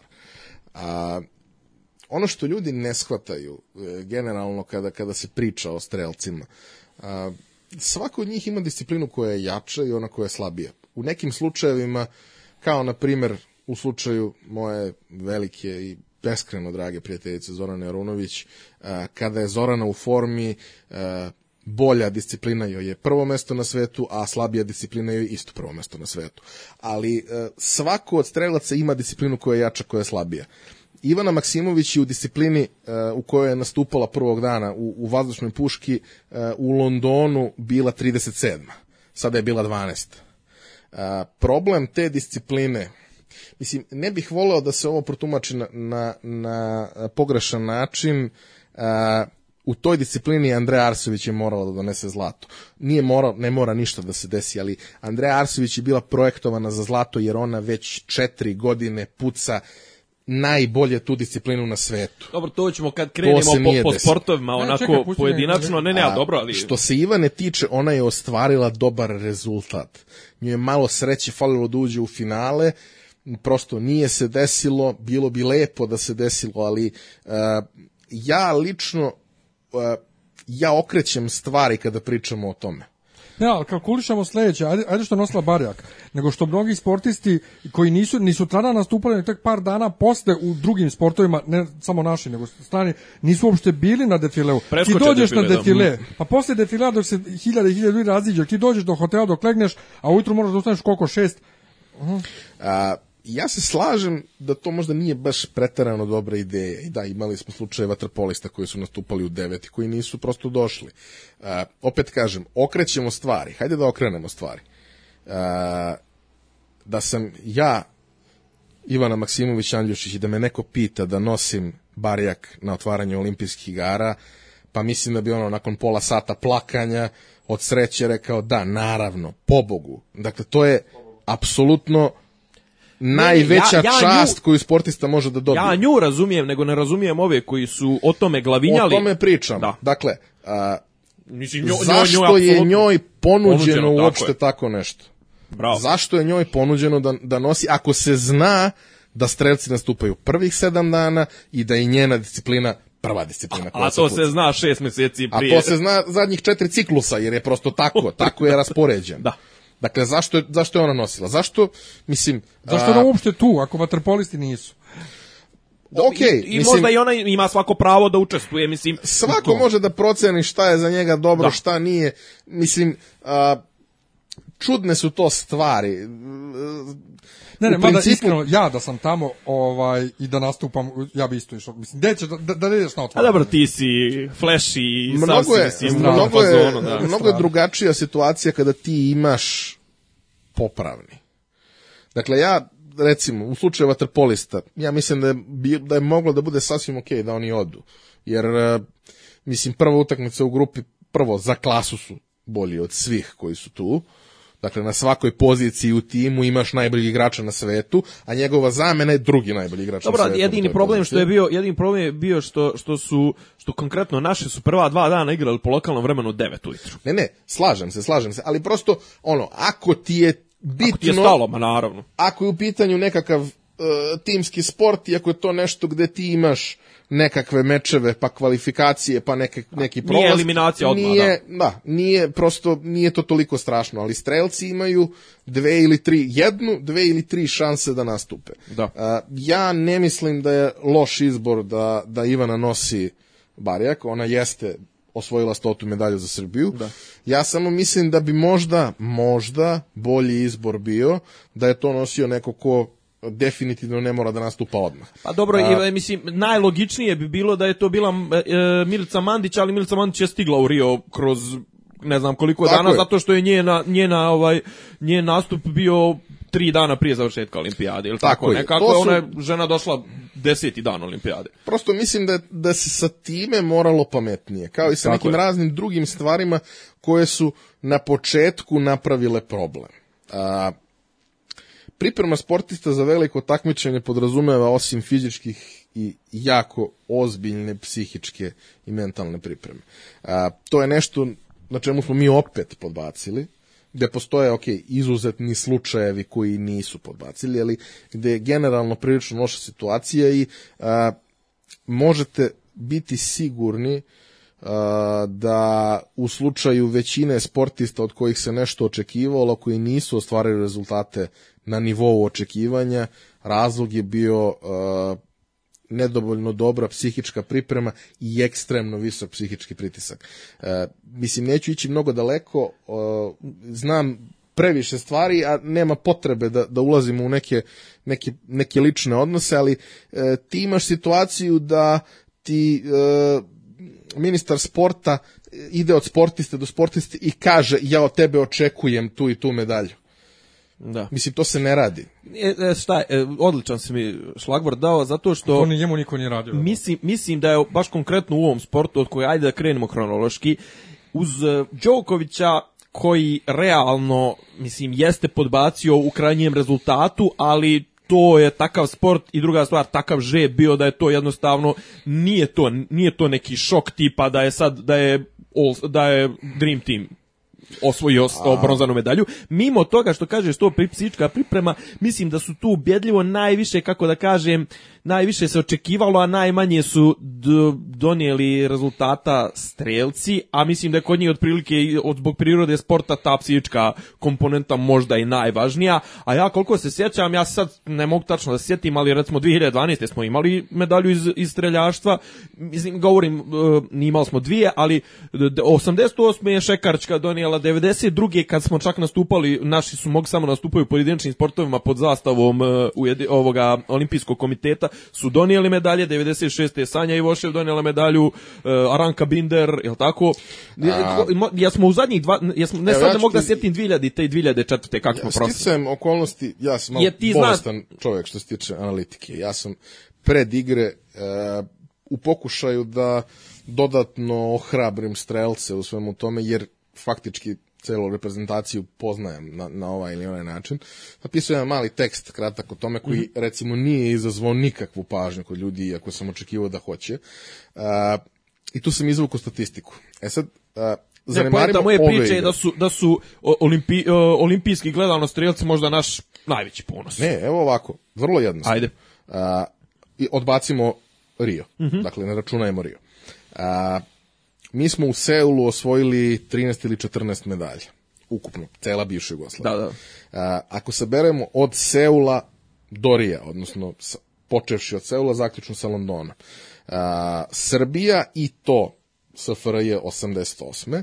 je ukupno osvojila 31 medalju. 13 su osvojili strelci.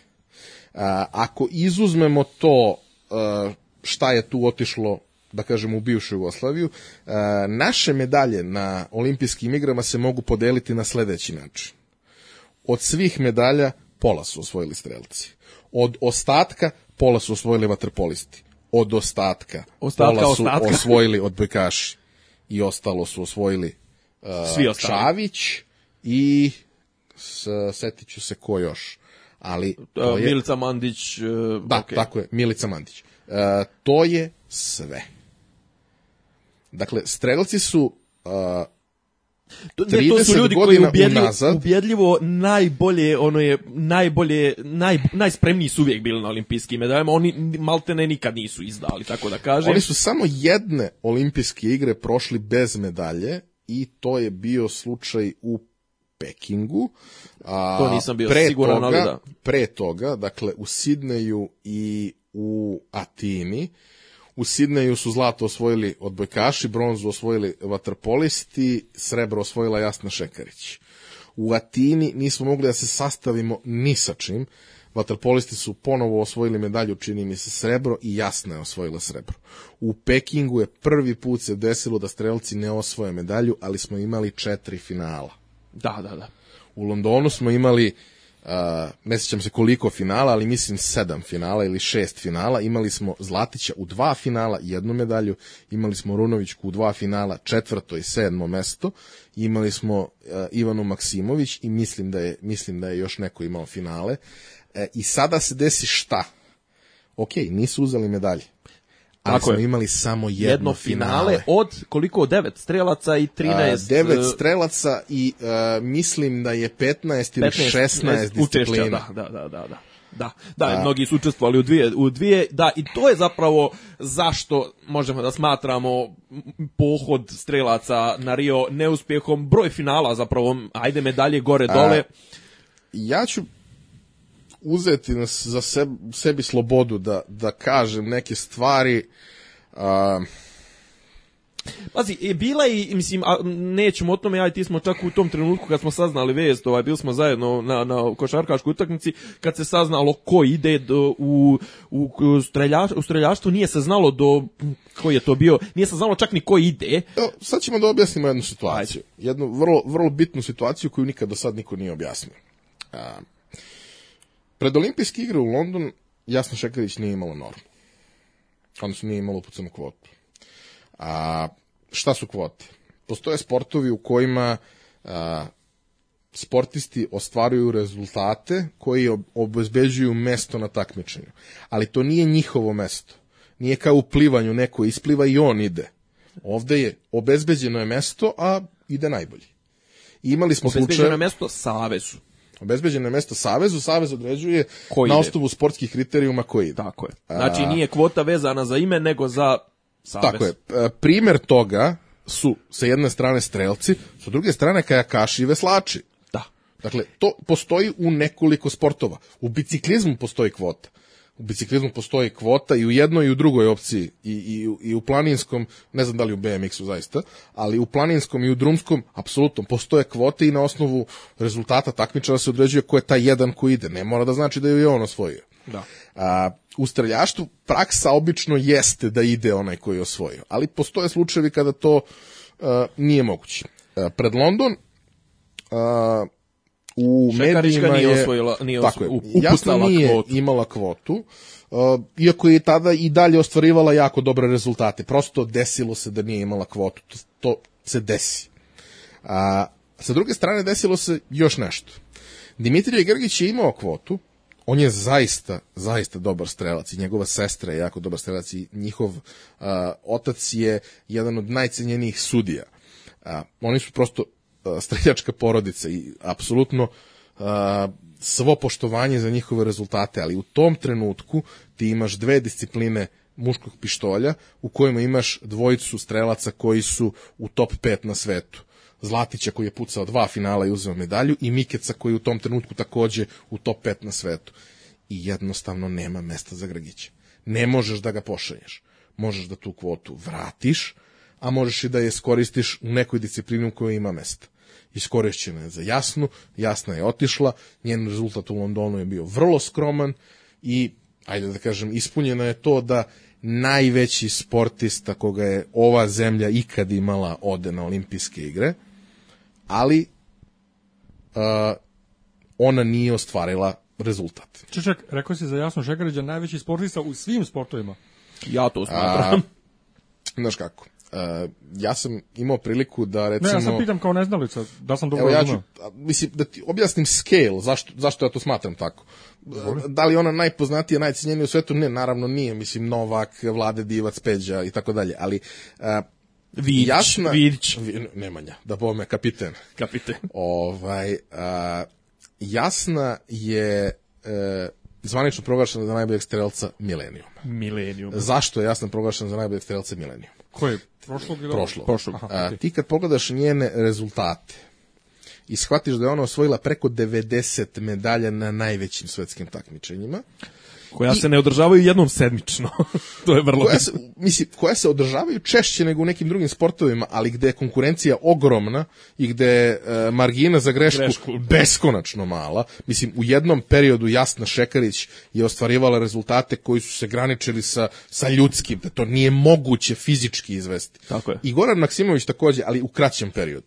A, Da, da zapravo kod jasne, kod jasne između ostalog ta njena dugovječnost je jedna od e, bitnih e, stavki u ovoj tvojoj ocjeni nje kao najvećeg. Dakle, I meni to. kada uh, prisustvuješ, uh, ja sam imao prilike na jednom evropskom prvenstvu u Osijeku, sam došao da gledam disciplinu ovaj, malokalibarski pištolj i ako ikada budete išli ponesite i čepiće za uši i antifone zato što je to jako strašno i beskonačno bučno.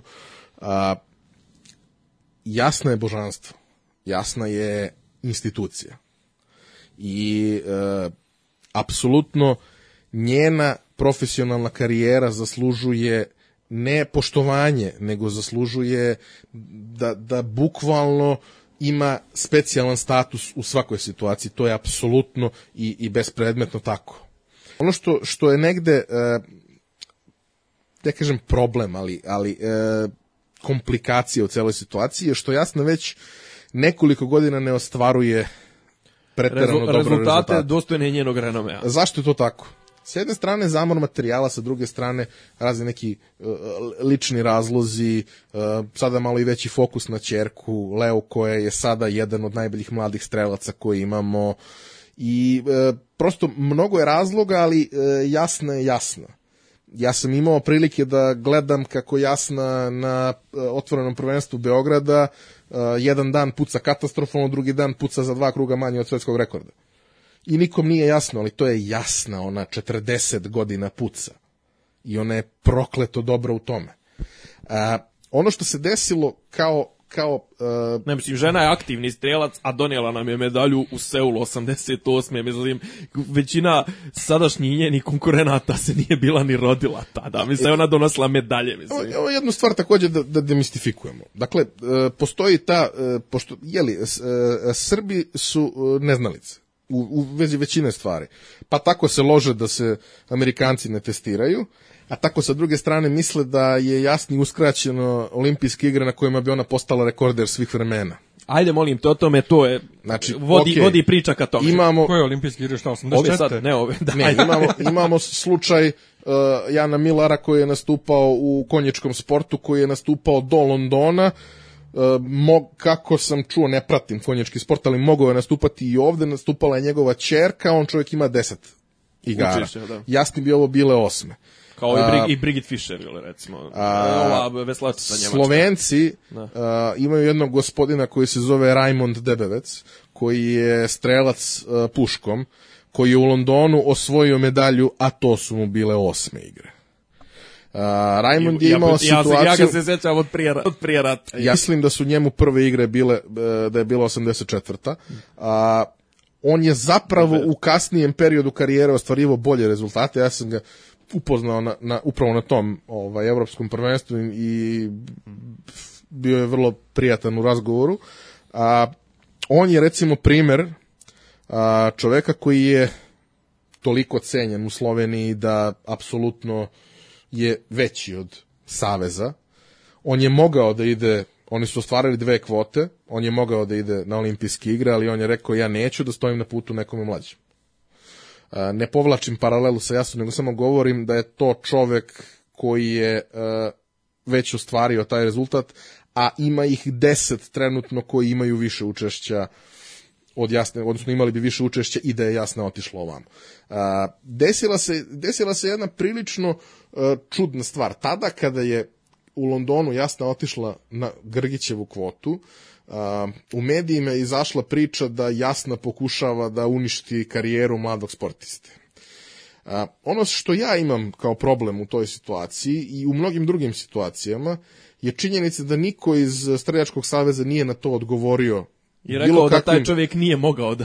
da, Mislim, bilo kakvim da. zvaničnim, smislenim odgovorom, a kada to nije uradio Streljački savez, uh, koji je prosto jedna uh, vrlo vrlo jadna organizacija koja ima fantastične pojedince, koja ima tu sreću da ima njih, a oni imaju tu nesreću da imaju nju. A, niko nije izašao, niko ispred olimpijskog komiteta nije izašao da to odgovori. I sada imamo sličnu situaciju. I onda je krenulo divljanje medija, zapravo, Da zato krenulo što divljanje medija, satanizacija jasna. Četiri godine kasnije uh, satanizuju se drugi sportisti uh, zbog jasne. E sad, a, jasna je upucala kvotu za olimpijski igre u Riju. Upucala joj je, imala je i malo sreće, ali ostvarila je i dobar rezultat na svetskom prvenstvu. To je bilo prvo kvalifikacijono takmičenje. Hronološki zapravo je prva upucala. Je Tako je. Da. Specifična je situacija sa strelcima da imaš ciklus olimpijskih igara, dakle na četiri godine. Prve dve godine u ciklusu ti ne znače apsolutno ništa, a druge dve su one u kojima se ostvaruju rezultati. A, jasna je prva upucala kvotu i to u disciplini u kojoj je loša 15 godina unazad. Jednostavno nema, nema rezultate vrhunske 15 godina. Va, vazdušni, Vazdušni pištolj, da.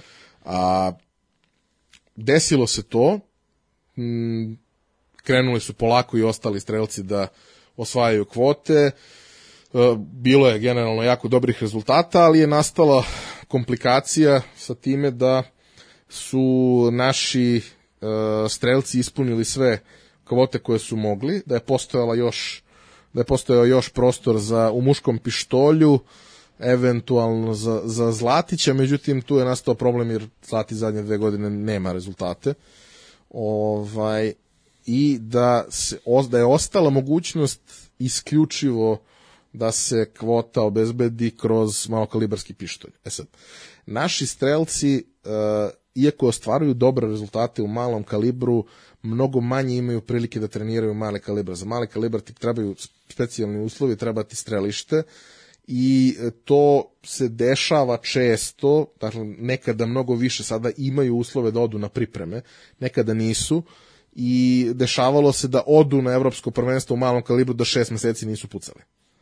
ja sam čuo neke priče tipa da, da kao ne možeš doći do lokalnih džilkoša i ne znam, nija političara, tajkuna koji vole da troše tako taj ma, mali A... kalibar, mislim, vole da troše municiju, zapravo, objektivno, da je to zapravo mnogo skuplja, e, mnogo veća, to... skuplja, skuplja zajebancija od vazdušnog. A, što se tiče samog, same municije, to, to u principu nije problem. Mislim, a, ja nemam problem da kažem da kada uđeš u e, Streljački savez Srbije imaš taj uh, specifičan uh, osjećaj povratka u 80. godine i taj Vonj. miris vinjaka koji izbije od svuda. Dakle, to imaš kao, kao jedan deo specijalnog efekta. Drugi deo specijalnog efekta je da u, toj, u tom delu gde je Čekaj, gde su oni na hipodromu? Gde da, da, da, dole na, na Carajeviću Upri, da u tom delu gde je to strelište na kome se prave olimpijski šampioni i svetski šampioni i sve ostalo, u, u leđa e, toga imaš kokošinjac, pa ako, znaš, ako je trenutak da jaje izleti, moraju da sačekaju strelci, naprave pauzu između serija. Da ne stresiraju, znaš, da ne stresiraju kokošinjac. Nije okej. Okay. A, uslovi koje oni imaju su ja, zaista Milan, katastrofalni. A, to su situacije gde a, šta radite sutra na treningu, sutra na treningu mora pokosimo i da pobijemo zmije, pa onda možemo da pucamo. O, ovaj, što je onako prilično, prilično neprijatno. Uh, ali ono što je, što je dobra stvar, recimo, mada i tu, mislim, ima bisera briljantnih, sama činjenica da smo mi najbolja nacija na svetu u streljaštvu, ajde da kažemo da smo drugi iza Kineza, ali po svim kriterijumima na broj stanovnika smo ubedljivo, per, per ubedljivo najbolji. A, ono što je, što, je, što je posebno recimo tu e, e, dobro u celoj priči je da su naši strelci cenjeni i da proizvođači opreme i municije stipendiraju naše strelce na osnovu rezultata i da dobar deo toga nije trošak. Da, dakle, da, da. ono što recimo se desi kao problem, opet zato što e, ljudi koji tamo rade su vrlo ležerno posmatraju svoj posao, desi se da iako su iako je municija dobijena e, recimo mesec dana niko ne uradi papire da je preuzme sa granice jer postoji posebna procedura kada uvoziš municiju. Naravno ne uvoziš e, pa ne, pazi, držalje za sekire, uvoziš i dalje, municiju. I dalje se recimo čak se ovaj to stalno pričam pošto ovaj ja, ja imam problem ovde, ja bi se bavio strelčarstvom, ali tebi za strelu, luk i strelu treba dozvola, ovaj, bukvalno, koja, te, luk i strela spadaju pod zakon o oružju, jer svaka, e, svako oružje koje je na bazi e, natezanja tetive, a proizvodi određeni, ne znam, određenu silu i to sve, potpada pod oružje i ti moraš bukvalno da imaš sve. Ja sam doskoro imao neku i krivičnu presudu i svašta nešto, pa nisam baš mogao ni da se bavim. neku, svi znamo šta si Da, dobro, nebitno. Prvo optuženi Paleksić. Da, da drugo nego, optuženi. Nego čeka, čeka, Ajde. hoćemo da nastavimo sad dalje. Pa ne, ne, ali evo da kaže čovjek, dalje. čovjek je dao razloge zašto, uh, evo, zašto su strelci i uh, ajde, ajde u, u tvom nekom pogledu uh, je li ovaj rezultat strelaca, je li podbačaj normalno... Ja samo da zaokružim Čekaj, priču do kraja. Ako je rekao čovjek da je da Maksimovićka prošle bu bila 37, a sad je 11. Gdje je podbačaj? Ajde da, ajde da zaokružim priču. Dakle, uh, najveći problem koji je nastao je činjenica da... Uh, nažalost, ova priča neće biti završena ni ovim podcastom, ništa, zato što je Šekarićka u novinama najavila da će nešto da propriča. Ja se iskreno sve bojim toga i volio da ne, do toga da ne dođe. Uh, mislim da će do toga doći. Mislim da uh, Jasna ima uh, vrlo zanimljivu poziciju trenutno. Mm -hmm. Mislim da je ona osoba koja jedina može da reši stvari u Savezu, jer je njen lični njen, njena pozicija u tom sportu je dovoljno visoka dovoljno je cenjena, ona je veća od tog saveza. To, to je moje mišljenje. Ono što ja sa druge strane uh, se bojim je da uh, to možda neće biti iskorišćeno na pravi način. E sad, uh, Ali zašto... u svakom slučaju prljavi veš, misliš da će izaći prljavi veš? ili, šta, ili šta ja eto kao posmatrač sa strane mogu da kažem. Mislim uh, vrlo je uh, vrlo je ružno da ne kažem to da prosto uh, Zoran Arunović mi je prijatelj, Andrej Arsović mi je prijatelj, postoji nekoliko strelaca sa kojima sam jako dobar, između ostalog i jasna mi je i komšinica i prijatelj, znao sam i njenog bivšeg supruga i tako dalje, trenirao sam sa, sa, sa njim, prosto pratim to sve i ono što, što je veliki problem cele priče i organizacija koja je u katastrofalnom stanju i gde katastrofalni ljudi vode celu priču. E, u čemu se ogleda katastrofa te, te uh, organizacije. Ogleda se u onakvim situacijama kao što je neobjašnjavanje šta se zapravo desilo u Londonu, zašto je jasno išlo. A sa druge strane, uh, kada pogledaš kalendar Međunarodne streljačke federacije i SSF-a, uh, ako se dobro sećam, prvi te, presak se ne radi u julu. Znači ti u maju znaš ko ide na olimpijske igre u kojim disciplinama. Uh, mislim da je negde kraj aprila uh, rok da se pošalje prvi prva informacija o tome ko ti je u reprezentaciji, da tokom maja idu posljednja takmičenja, da na kraju maja ti treba da pošalješ nekakav, da kažemo, prilagođeni spisak, a da je poslednji datum za slanje konačnog spiska za olimpijske igre 24. jun. Mi smo spisak poslali 7. jula. Zašto smo mi poslali spisak uh, dve nedelje kasnije? Uh, prilično sam siguran da bi bilo koju drugu reprezentaciju odavno izbacili odatle. Nego mi Nas imamo zbog težinu. ga. renomea koji Da. imamo nisu. Ali je to nedopustivo. To je nedopustivo iz mnogo razloga. Prvo, a, zbog celokupne situacije niko od strelaca nije znao ko ide na olimpijske igre, a ko ne.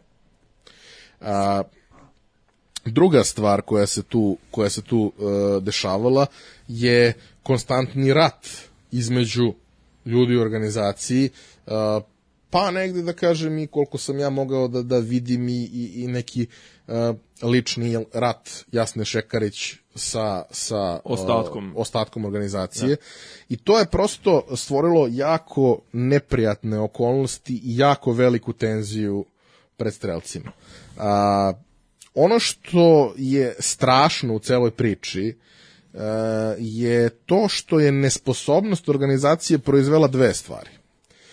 Prva stvar je to da su strelci koji su otišli bili u katastrofalnom psihičkom stanju, Što je njima mnogo je- bitnije nego, nego. Boltu. Što je dodatno e, dodatno, da kažem, potkrepljeno aktivnostima naših e, čelnika i olimpijskog komiteta i, i, Ministarstva i ministarstva i e, gospodara i tako dalje. A to sa jedne strane, dakle, poslao si e, sportiste koji su u jako lošem stanju i vrlo su male šanse da će napraviti u takvom stanju rezultat. A sa druge strane nisi ispoštovao nekoga ko je veći od tog sporta. Neko od nas koji je veći od tog sporta. Dakle, Jasna Šekarić je, nema dalje. Da, da. A, ono što je najstrašnije u celoj priči je što ako malo analiziraš, ispitaš stvari, ako malo se ozbiljnije pozabaviš time što tamo očigledno nije imao ko da uradi, nije imao ko da bude u komunikaciji, ja sam siguran, dakle, ja sam pronašao neke načine da jasna bude u Riju bez obzira na sve, a, to je jedna stvar. Druga stvar, pričamo o osobi koja je najuspešniji strelac svih vremena. Kad kažem najuspešniji strelac svih vremena, postoji Jasna Šekarić, pa pet mesta prazno, pa onda svi ostali. To je bukvalno tolika razlika u rezultatima. Dakle, ona ima 100 medalja sa velikih takmičenja, ostali najuspešniji imaju 30 ili 40. To je zaista nešto nestvarno. Šta reče, koliko su Srbi, koliko su Srbi, koliko su Srbi osvojili medalja? 31 jeli od 30 sa, sa svima iz bivše juge u Seulu, Da. ukupno 31, od toga 13 strelci. Od, toga je nje pet jasno. njenih, pet njenih, to je poenta. Od toga pet jasna, plus je jasna imala i šesta mesta i četvrto mesto i tako dalje, nije bitno. Uglavnom, oni su bili, ovaj, mislim da ovo ovakve ekskluzivne informacije ovako u, u dubinu nikad nismo. Mislim, ja i ti sva, ono, Mi nemamo odakle. svaka, svaka nam čast, ovo zaista kažem, kao što sam rekao, ovaj, malo ko nam može ispričati o, tako detaljno o stvarima koje su se dešavale i unutar olimpijskog eh, i unutar ovoga komiteta i unutar naših olimpijaca, a pogotovo za, znao sam za priču za, za stre, streljaštvo, zato što si ti drugar sa, sa dosta stre, strelaca i mislim da je ovo ovaj eh, ovo kažem, ovo mislim ove informacije verovatno su ekskluziva i na na srpskom internetu. E, Kaže kaže šta ti o, konačna tvoja ocjena evo strelaca konkretno na Ajde ovom. da podvučemo Aha. crtu i da kažemo, ako uh, u London po svojim rezultatima Dimitrije nije mogao da ide, već je išla jasna, po svojim rezultatima jasna nije mogla da ide u Rio. Dobro. I tu se u principu priča završava. A, Savez ima pravo da nominuje koga hoće, ali na kraju dana Olimpijski komitet odobrava liste. Olimpijski komitet je kada su shvatili da može doći do problema, e, propisao da Streljački savez mora da formira listu strelaca na osnovu sportskih kriterijuma. Lista strelaca na osnovu sportskih kriterijuma podrazumeva jednu Excel tabelu u kojoj će biti rangirani strelci prema njihovim rezultatima na međunarodnoj sceni. I tu se bez ikakvih dilema može utvrditi kojih devet strelaca treba da ide na, na olimpijske igre. Zbog cele situacije oni su poslati vršenje maksimalan pritisak na njih i oni su sa rezultatima podbacili u odnosu na očekivanja. E, U mojim procenama ja sam računao na barem dve medalje strelaca. E, Da, neko je- reče ti koliko, 16 ili 17 prilika smo imali. 16 prilika. 16. Ono što sam ja negde video kao najizvesnije je bila medalja Andreja Arsović u vazdušnoj pušti zato što prosto devojka puca nestvarno već nekoliko godina. Ono što je, što je recimo kod nje, e, ako analiziramo rezultat, ja nisam imao prilike da pričam sa Andrejom i ne znam koji su konkretni razlozi slabijih rezultata, osim što mogu da pretpostavim da je u pitanju e, to da je podlegla pritisku. Ono što je indikativno e, kod nje, koja je ostvarila slabe rezultate u oba slučaja, u obe discipline, a, kod većine strelaca smo imali situaciju da su fantastično pucali do nekog trenutka, da su onda imali pad i da se nisu dovoljno brzo vratili i da zbog toga su im je izbeglo, e, probeglo finale za malo. Um, Andreja je loše pucala sve vreme. I to je nešto što se njoj ne dešava. Ona ima vrlo specifičan uh, stil pucanja. Uh, to recimo ako neko, a zaista preporučujem svakom da ode na bar jedno takmičenje u decembru, svake godine postoji otvoreno prvenstvo Beograda, traje dva dana i zaista je lep doživljaj da se upoznate sa sportom, da vidite zapravo koliko su to male razlike. Da. E, Andreja kada postoji 60 strelaca u kvalifikacijama na vatrenoj liniji. Andreja je u svakom hicu prvi strelac koji okine. Ona tako puca celu karijeru i to joj daje rezultate koji su zaista impresivni. To, to ne postoji ni kod jednog drugog našeg strelca da je toliko izraženo, ali kod nje je vrlo specifično. Nj- Nju ne može da poremeti neki faktor koji možda može da poremeti nekog strelca koji čeka. I kada vidiš da je ona ispucala u sve četiri serije skroman rezultat, da se to desilo ovaj, za u disciplini je bila apsolutno spremna, da li je tu možda i falilo neke psihičke pripreme ili je jednostavno podlegla utisku i svemu ili je bio loš dan, mada i u drugoj disciplini je e, pucala slabije od očekivanja, iako je to njoj slabija disciplina. E, Neobična je situacija na, na celom, e, što se tiče celog st- streljačkog dela e, olimpijskih igara, bilo je jako čudnih rezultata. Recimo, e, u, u, u prvoj disciplini koja je pucana za, za ženski pištolj, mislim da je to, siguran sam da je to bio vazdušni pištolj, imali smo situaciju da e, od recimo 40 i nešto strelaca koliko ima, strelci koji su po svim kriterijumima morali biti u top 10 su završavali ispod 30. mesta.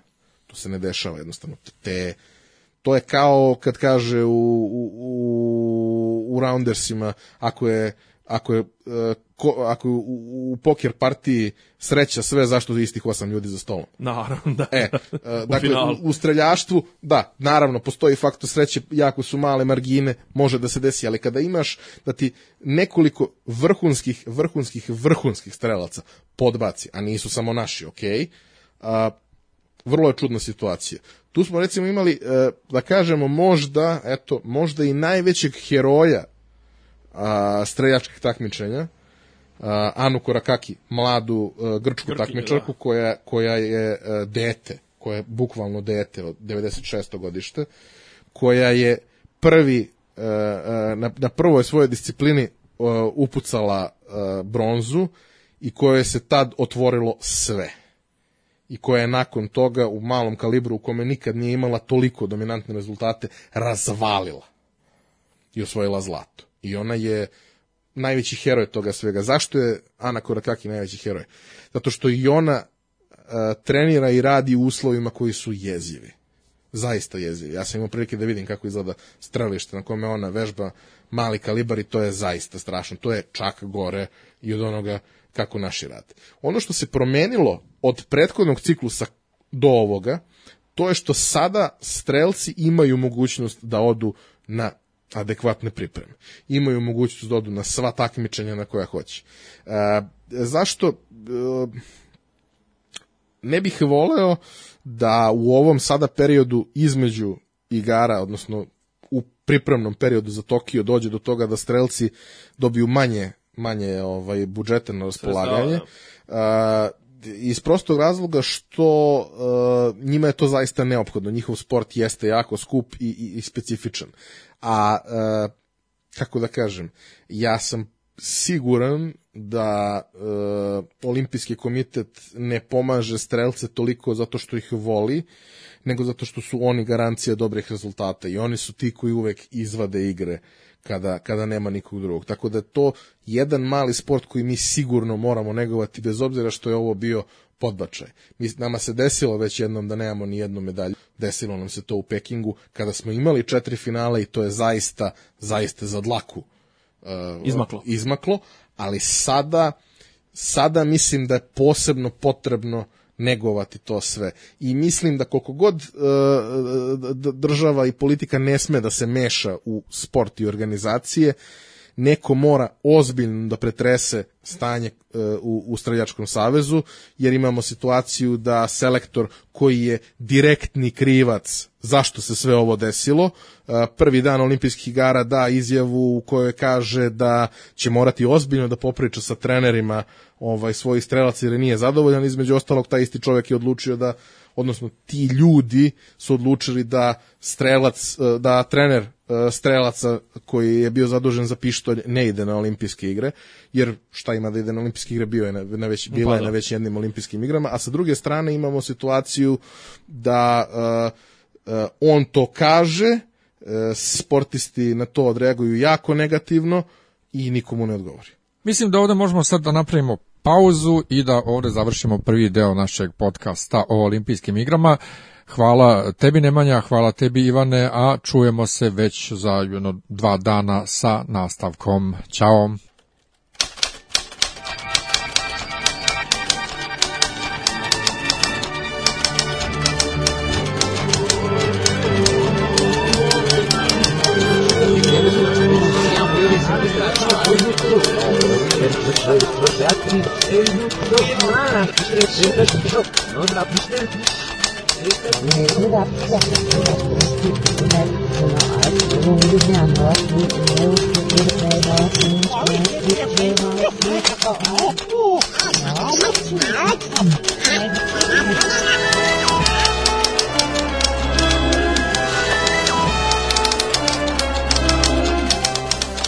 Дописи из Диснейланда. Tišina tamo. Ništa mi nije smešno.